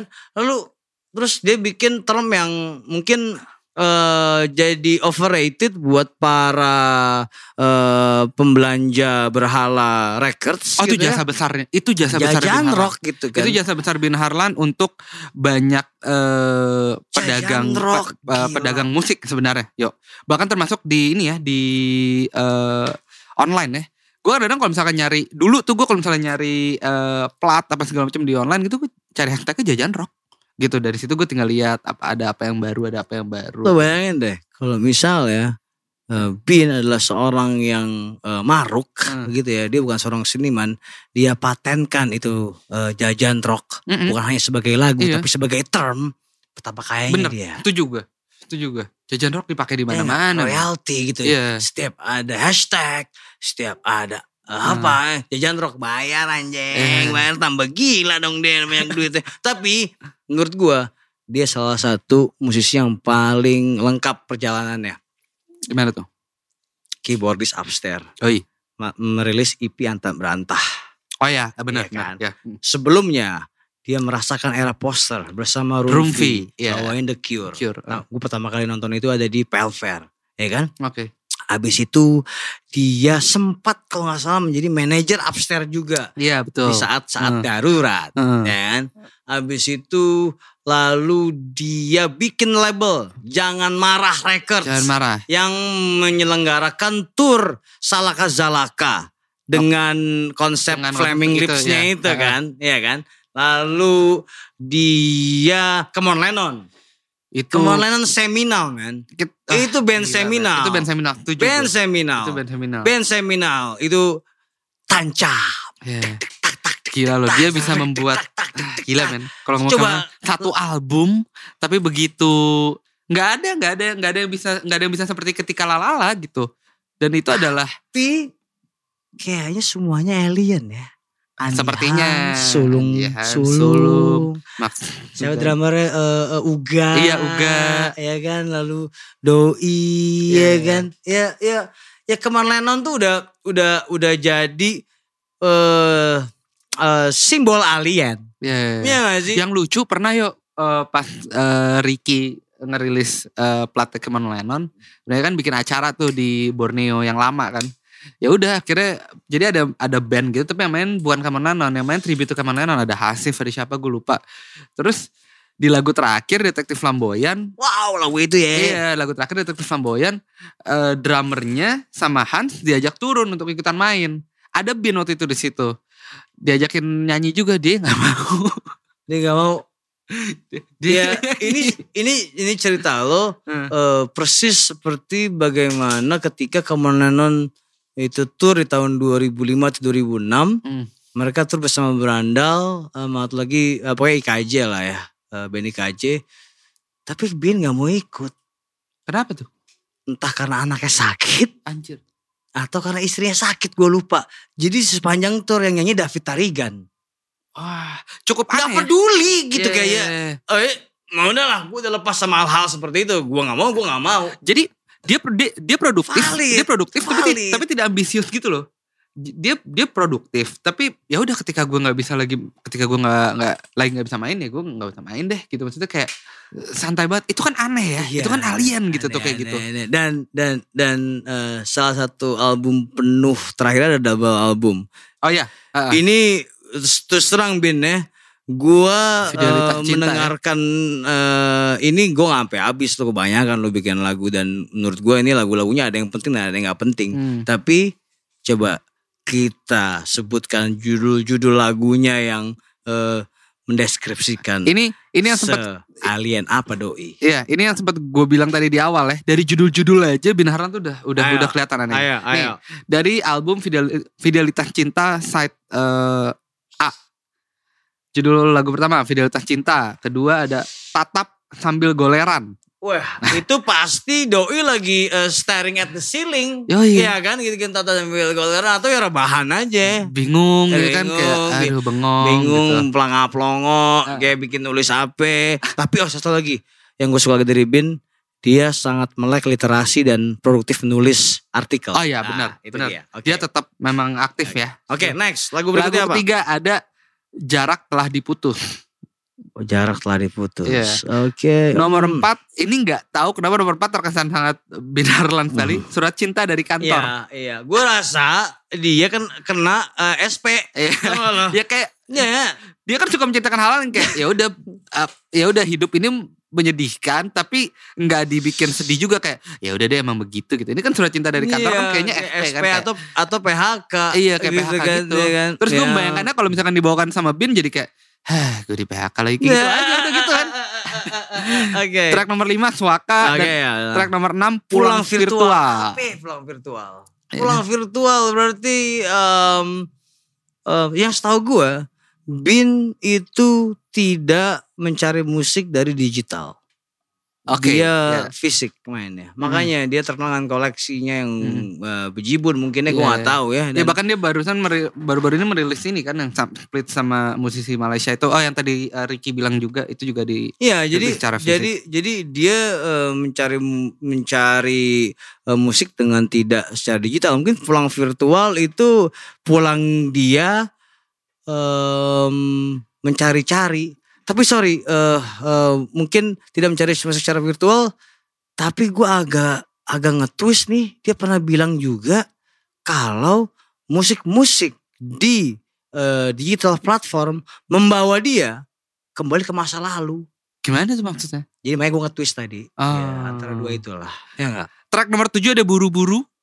Eh, semua juga buru-buru. iya. Track ya. nomor 8 nih jangan-jangan sequel ambulan ya. Apa Judulnya nih? Batu Ambulan. Batu ambulan ya. Iya kan? Ada museum cinta mungkin buat em, eh, istrinya atau anaknya Iya. atau meredam keluh tuh keren banget. Keren, keren, keren, keren. Meredam keluh oke. Oke, oke Bin, meredam keluh Bin. Terus side B-nya Side B ada semalam aku tak bisa tidur. Ini juga Ah, kembali biasa. lagi terdengar sangat Bin Biasa. Harlan ya. Sangat, sangat, sangat Bin Harlan, sangat Yeski. Anjing, sangat eh, Dokter Marto. Ya. Eh, 12 deadline. Wah, ya kan? ini sangat Nah, kita. Iya, sangat ini. kita. Ya, ini podcast ini di keseharian. ini podcast ini Keseharian. dikejar-kejar deadline ya sebenarnya. Iya, keseharian itu keseharian banget. Nih, eh, kocak nih nomor 13. Tahan, tahan. Ya, Itu mantap. itu mengingatkan gue pada lagu Iwan Fals judulnya Redalah Reda. Oh jangan Eh tapi Bin Haran memang mengaku dia Iwan fans Iwan Fals. Mengaku. Redalah Reda. Mungkin itu kali Iya. ya maksudnya. ya. Versinya dia ah, terhadap itu kali ya. Ada lagi berdiam diri. eh toko, Toko tutup, ini pasti mau jajan rok ya enggak? Ah iya mungkin. Tokonya udah tutup atau Tokonya udah rekeningnya tut- tutup. Rekeningnya tutup. Oh, iya. Iya benar benar benar. Nih nomor 16 juga agak absurd nih. Kelelawar dan kuda. Apa hubungannya kelelawar dan kuda? Kelelawar dan kuda. Kelelawar. Kuda besi, kelelawar malam. Oh, eh enggak deh. Apa yes? Apa Atau jangan-jangan eh kelelawar menghisap darah si kuda Mungkin ya. atau eh eh, kelelawar Sayapnya hitam. hitam. Kuda buntutnya Eh lumba. apa sih lo? Langsung ke 17. Ada adaptasi dan di 18 digital painting. Ah, digital painting. Bila, nih, bila nih. lapar menulis lah. Iya, itu lagunya Doi juga tuh Melukis ya. sih kalau dia. 19 dari rumah dan yang ke-20 ini kayak outro ya, ya. Fidelitas Cinta 02. Ya, ya, Gila, ya. jadi emang Bin Harlan dari menulis eh apa judulnya aja memang udah udah apa ya menggelitik kali ya. Dan dia sudah melengkapi hidupnya. Mungkin salah satu checklist adalah dia sekarang tinggal di Den Haag. Wah, iya tuh beruntung banget sih. Mungkin Bin dia pulang ke kampung. Bur itu kan nama Belanda. Oh iya benar benar benar. Bur itu nama Belanda. Van iya kan? Iya kan? eh eh, kecebur. Kecebur, iya kan? Atau ngabur. Ngabur, iya, itu Ya nama kan? nama nama orang Belanda sih. Nama-nama orang Belanda. Jadi Benar, benar. dia eh, pulang ke tanah leluhurnya. Ah. Dan dia beruntung ya dia pergi karena istrinya. Iya. Iya. Makanya yes, cari istri yang bisa bikin lo cabut ke mana. Iya lagi itu Iya kan? penting Iya, kayaknya penting ya. kan ya. Coba Iya. gue pikir-pikir lagi deh nih sebelum gue merit nih bentar cinta, lagi nih. Fidelitas Yeay. cinta. ya pokoknya Oke. eh, Bin Harlan eh, memang menjadi sosok alien yang dari awal eh, kita udah mulai ketika kita pikirin eh, alien kita langsung kebayang eh, sosok Bin Harlan ya. Iya. Sekali lagi eh, baik dari karya-karyanya, gue jujur sebenarnya merasa eh, apa ya eh, sedih ya nggak bisa menampil eh, nggak bisa nonton eh, Come On Lennon eh, secara Gue juga gak pernah. secara utuh. Pernah sekali nonton tapi Gua itu eh, nggak nggak Bine full mogok, bine mogok. nggak full goat itu. Gue Iya, nonton di iya. pensi Iya. 61, gue datang Oke. udah telat. Udah tinggal lagu terakhir kelinci jantan ya. Oke, dengan begitu selesai sudah ya. Ya, Tapi sebelum kita menyelesaikan ini, gue Rio Tantomo dan, Dan- ini Yeski dan gue Steven Gerrard. dan Steven Gerrard. Saya Rio Tantomo dan ini Steven Gerrard. Lo punya pertanyaan terakhir. Apa? Apa, hubungan antara Yeski, Pin Harlan Bur, dan sebuah lagu Common Lennon berjudul Sudahkah Anda Minum Obat? eh mungkin hubungannya lebih tepat di lagu Ambulan. Selamat tinggal, sampai berjumpa.